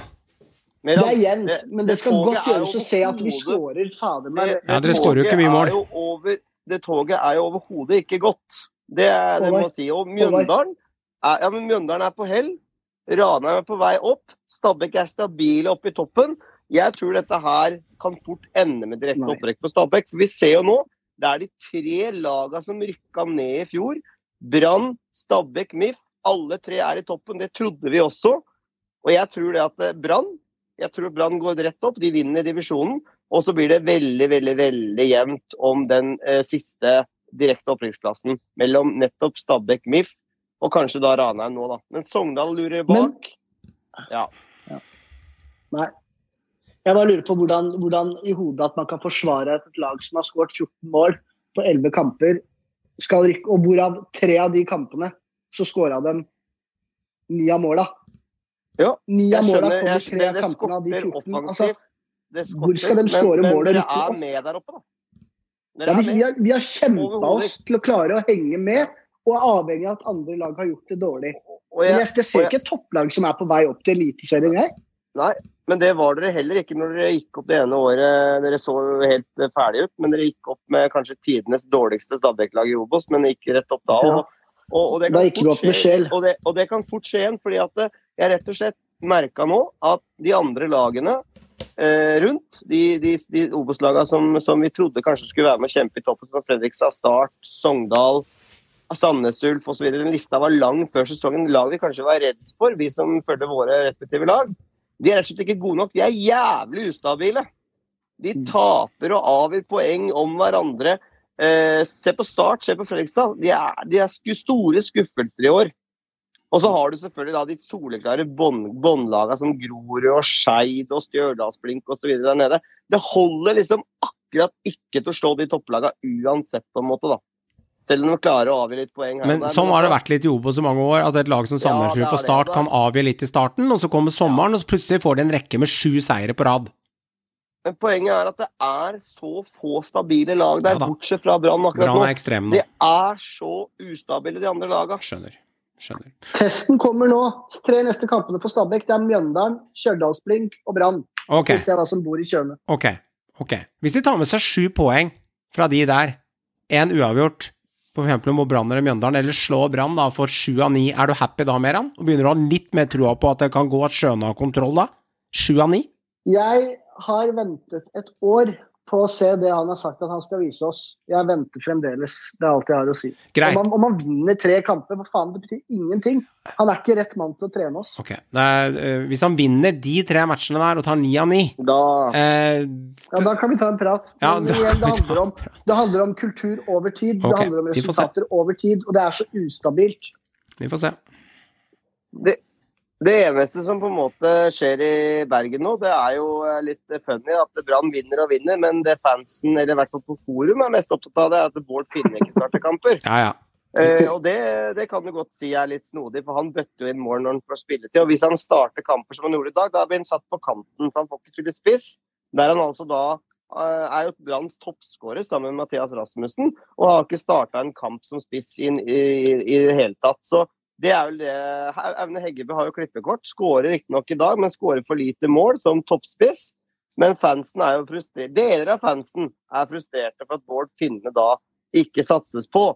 Men altså, hva er det egentlig å klage på? Brann Det er et ekstremt det er- Det er luksusproblem. liksom. Luksusproblem. Det er liksom Og det er et luksusproblem som fansen da gjør en sak ut av. Ja, det er litt sånn som å ha fire ketsjup-typer når du skal servere eh, pølse, Ja. brød til unga, og så klager de på at akkurat den ene ketsjup-typen som ikke du har kjøpt inn, den har ikke pappa kjøpt inn. Da er det et helvete i gang. Det, det her blir veldig Sånn er i Bergen, vet du. Vi må alltid ha noe å klage på der. Ja, jeg skjønner, jeg skjønner. Ok, neste rundespådom. Eh, Håvard, du drar med deg poeng. Eh, Haugesund traff du på, RBK traff du på. Du får to poeng. Eh, ett poeng for riktig seier, herre. Um, ikke riktig resultat. Du bomma. Hadde Kristiansund ikke scora på Lerkendal, så treffe på resultatet, for det holdt 3-0, men det ble 3-1.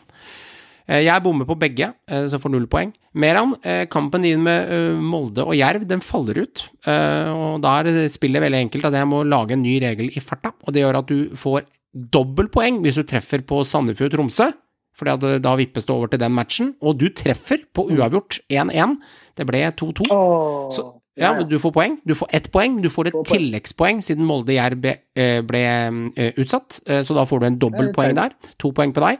Og Joakim treffer på hjemmeseier til Godset. Med eh, 3-2 tippet han, men det ble jo ikke 3-2, det ble 3-0. Så godt truffet av Joakim, sa han som får så poeng. Så samlet så sitter Johan med 14, Joakim med 9, Meran med 9 og Håvard med 12, så det er ekstremt jevnt. Neste runde den går til eh, helgen, og Joakim har sendt inn resultatene. Han har sendt inn Jerv Haugesund 1-2 og Odd Glimt 2-2.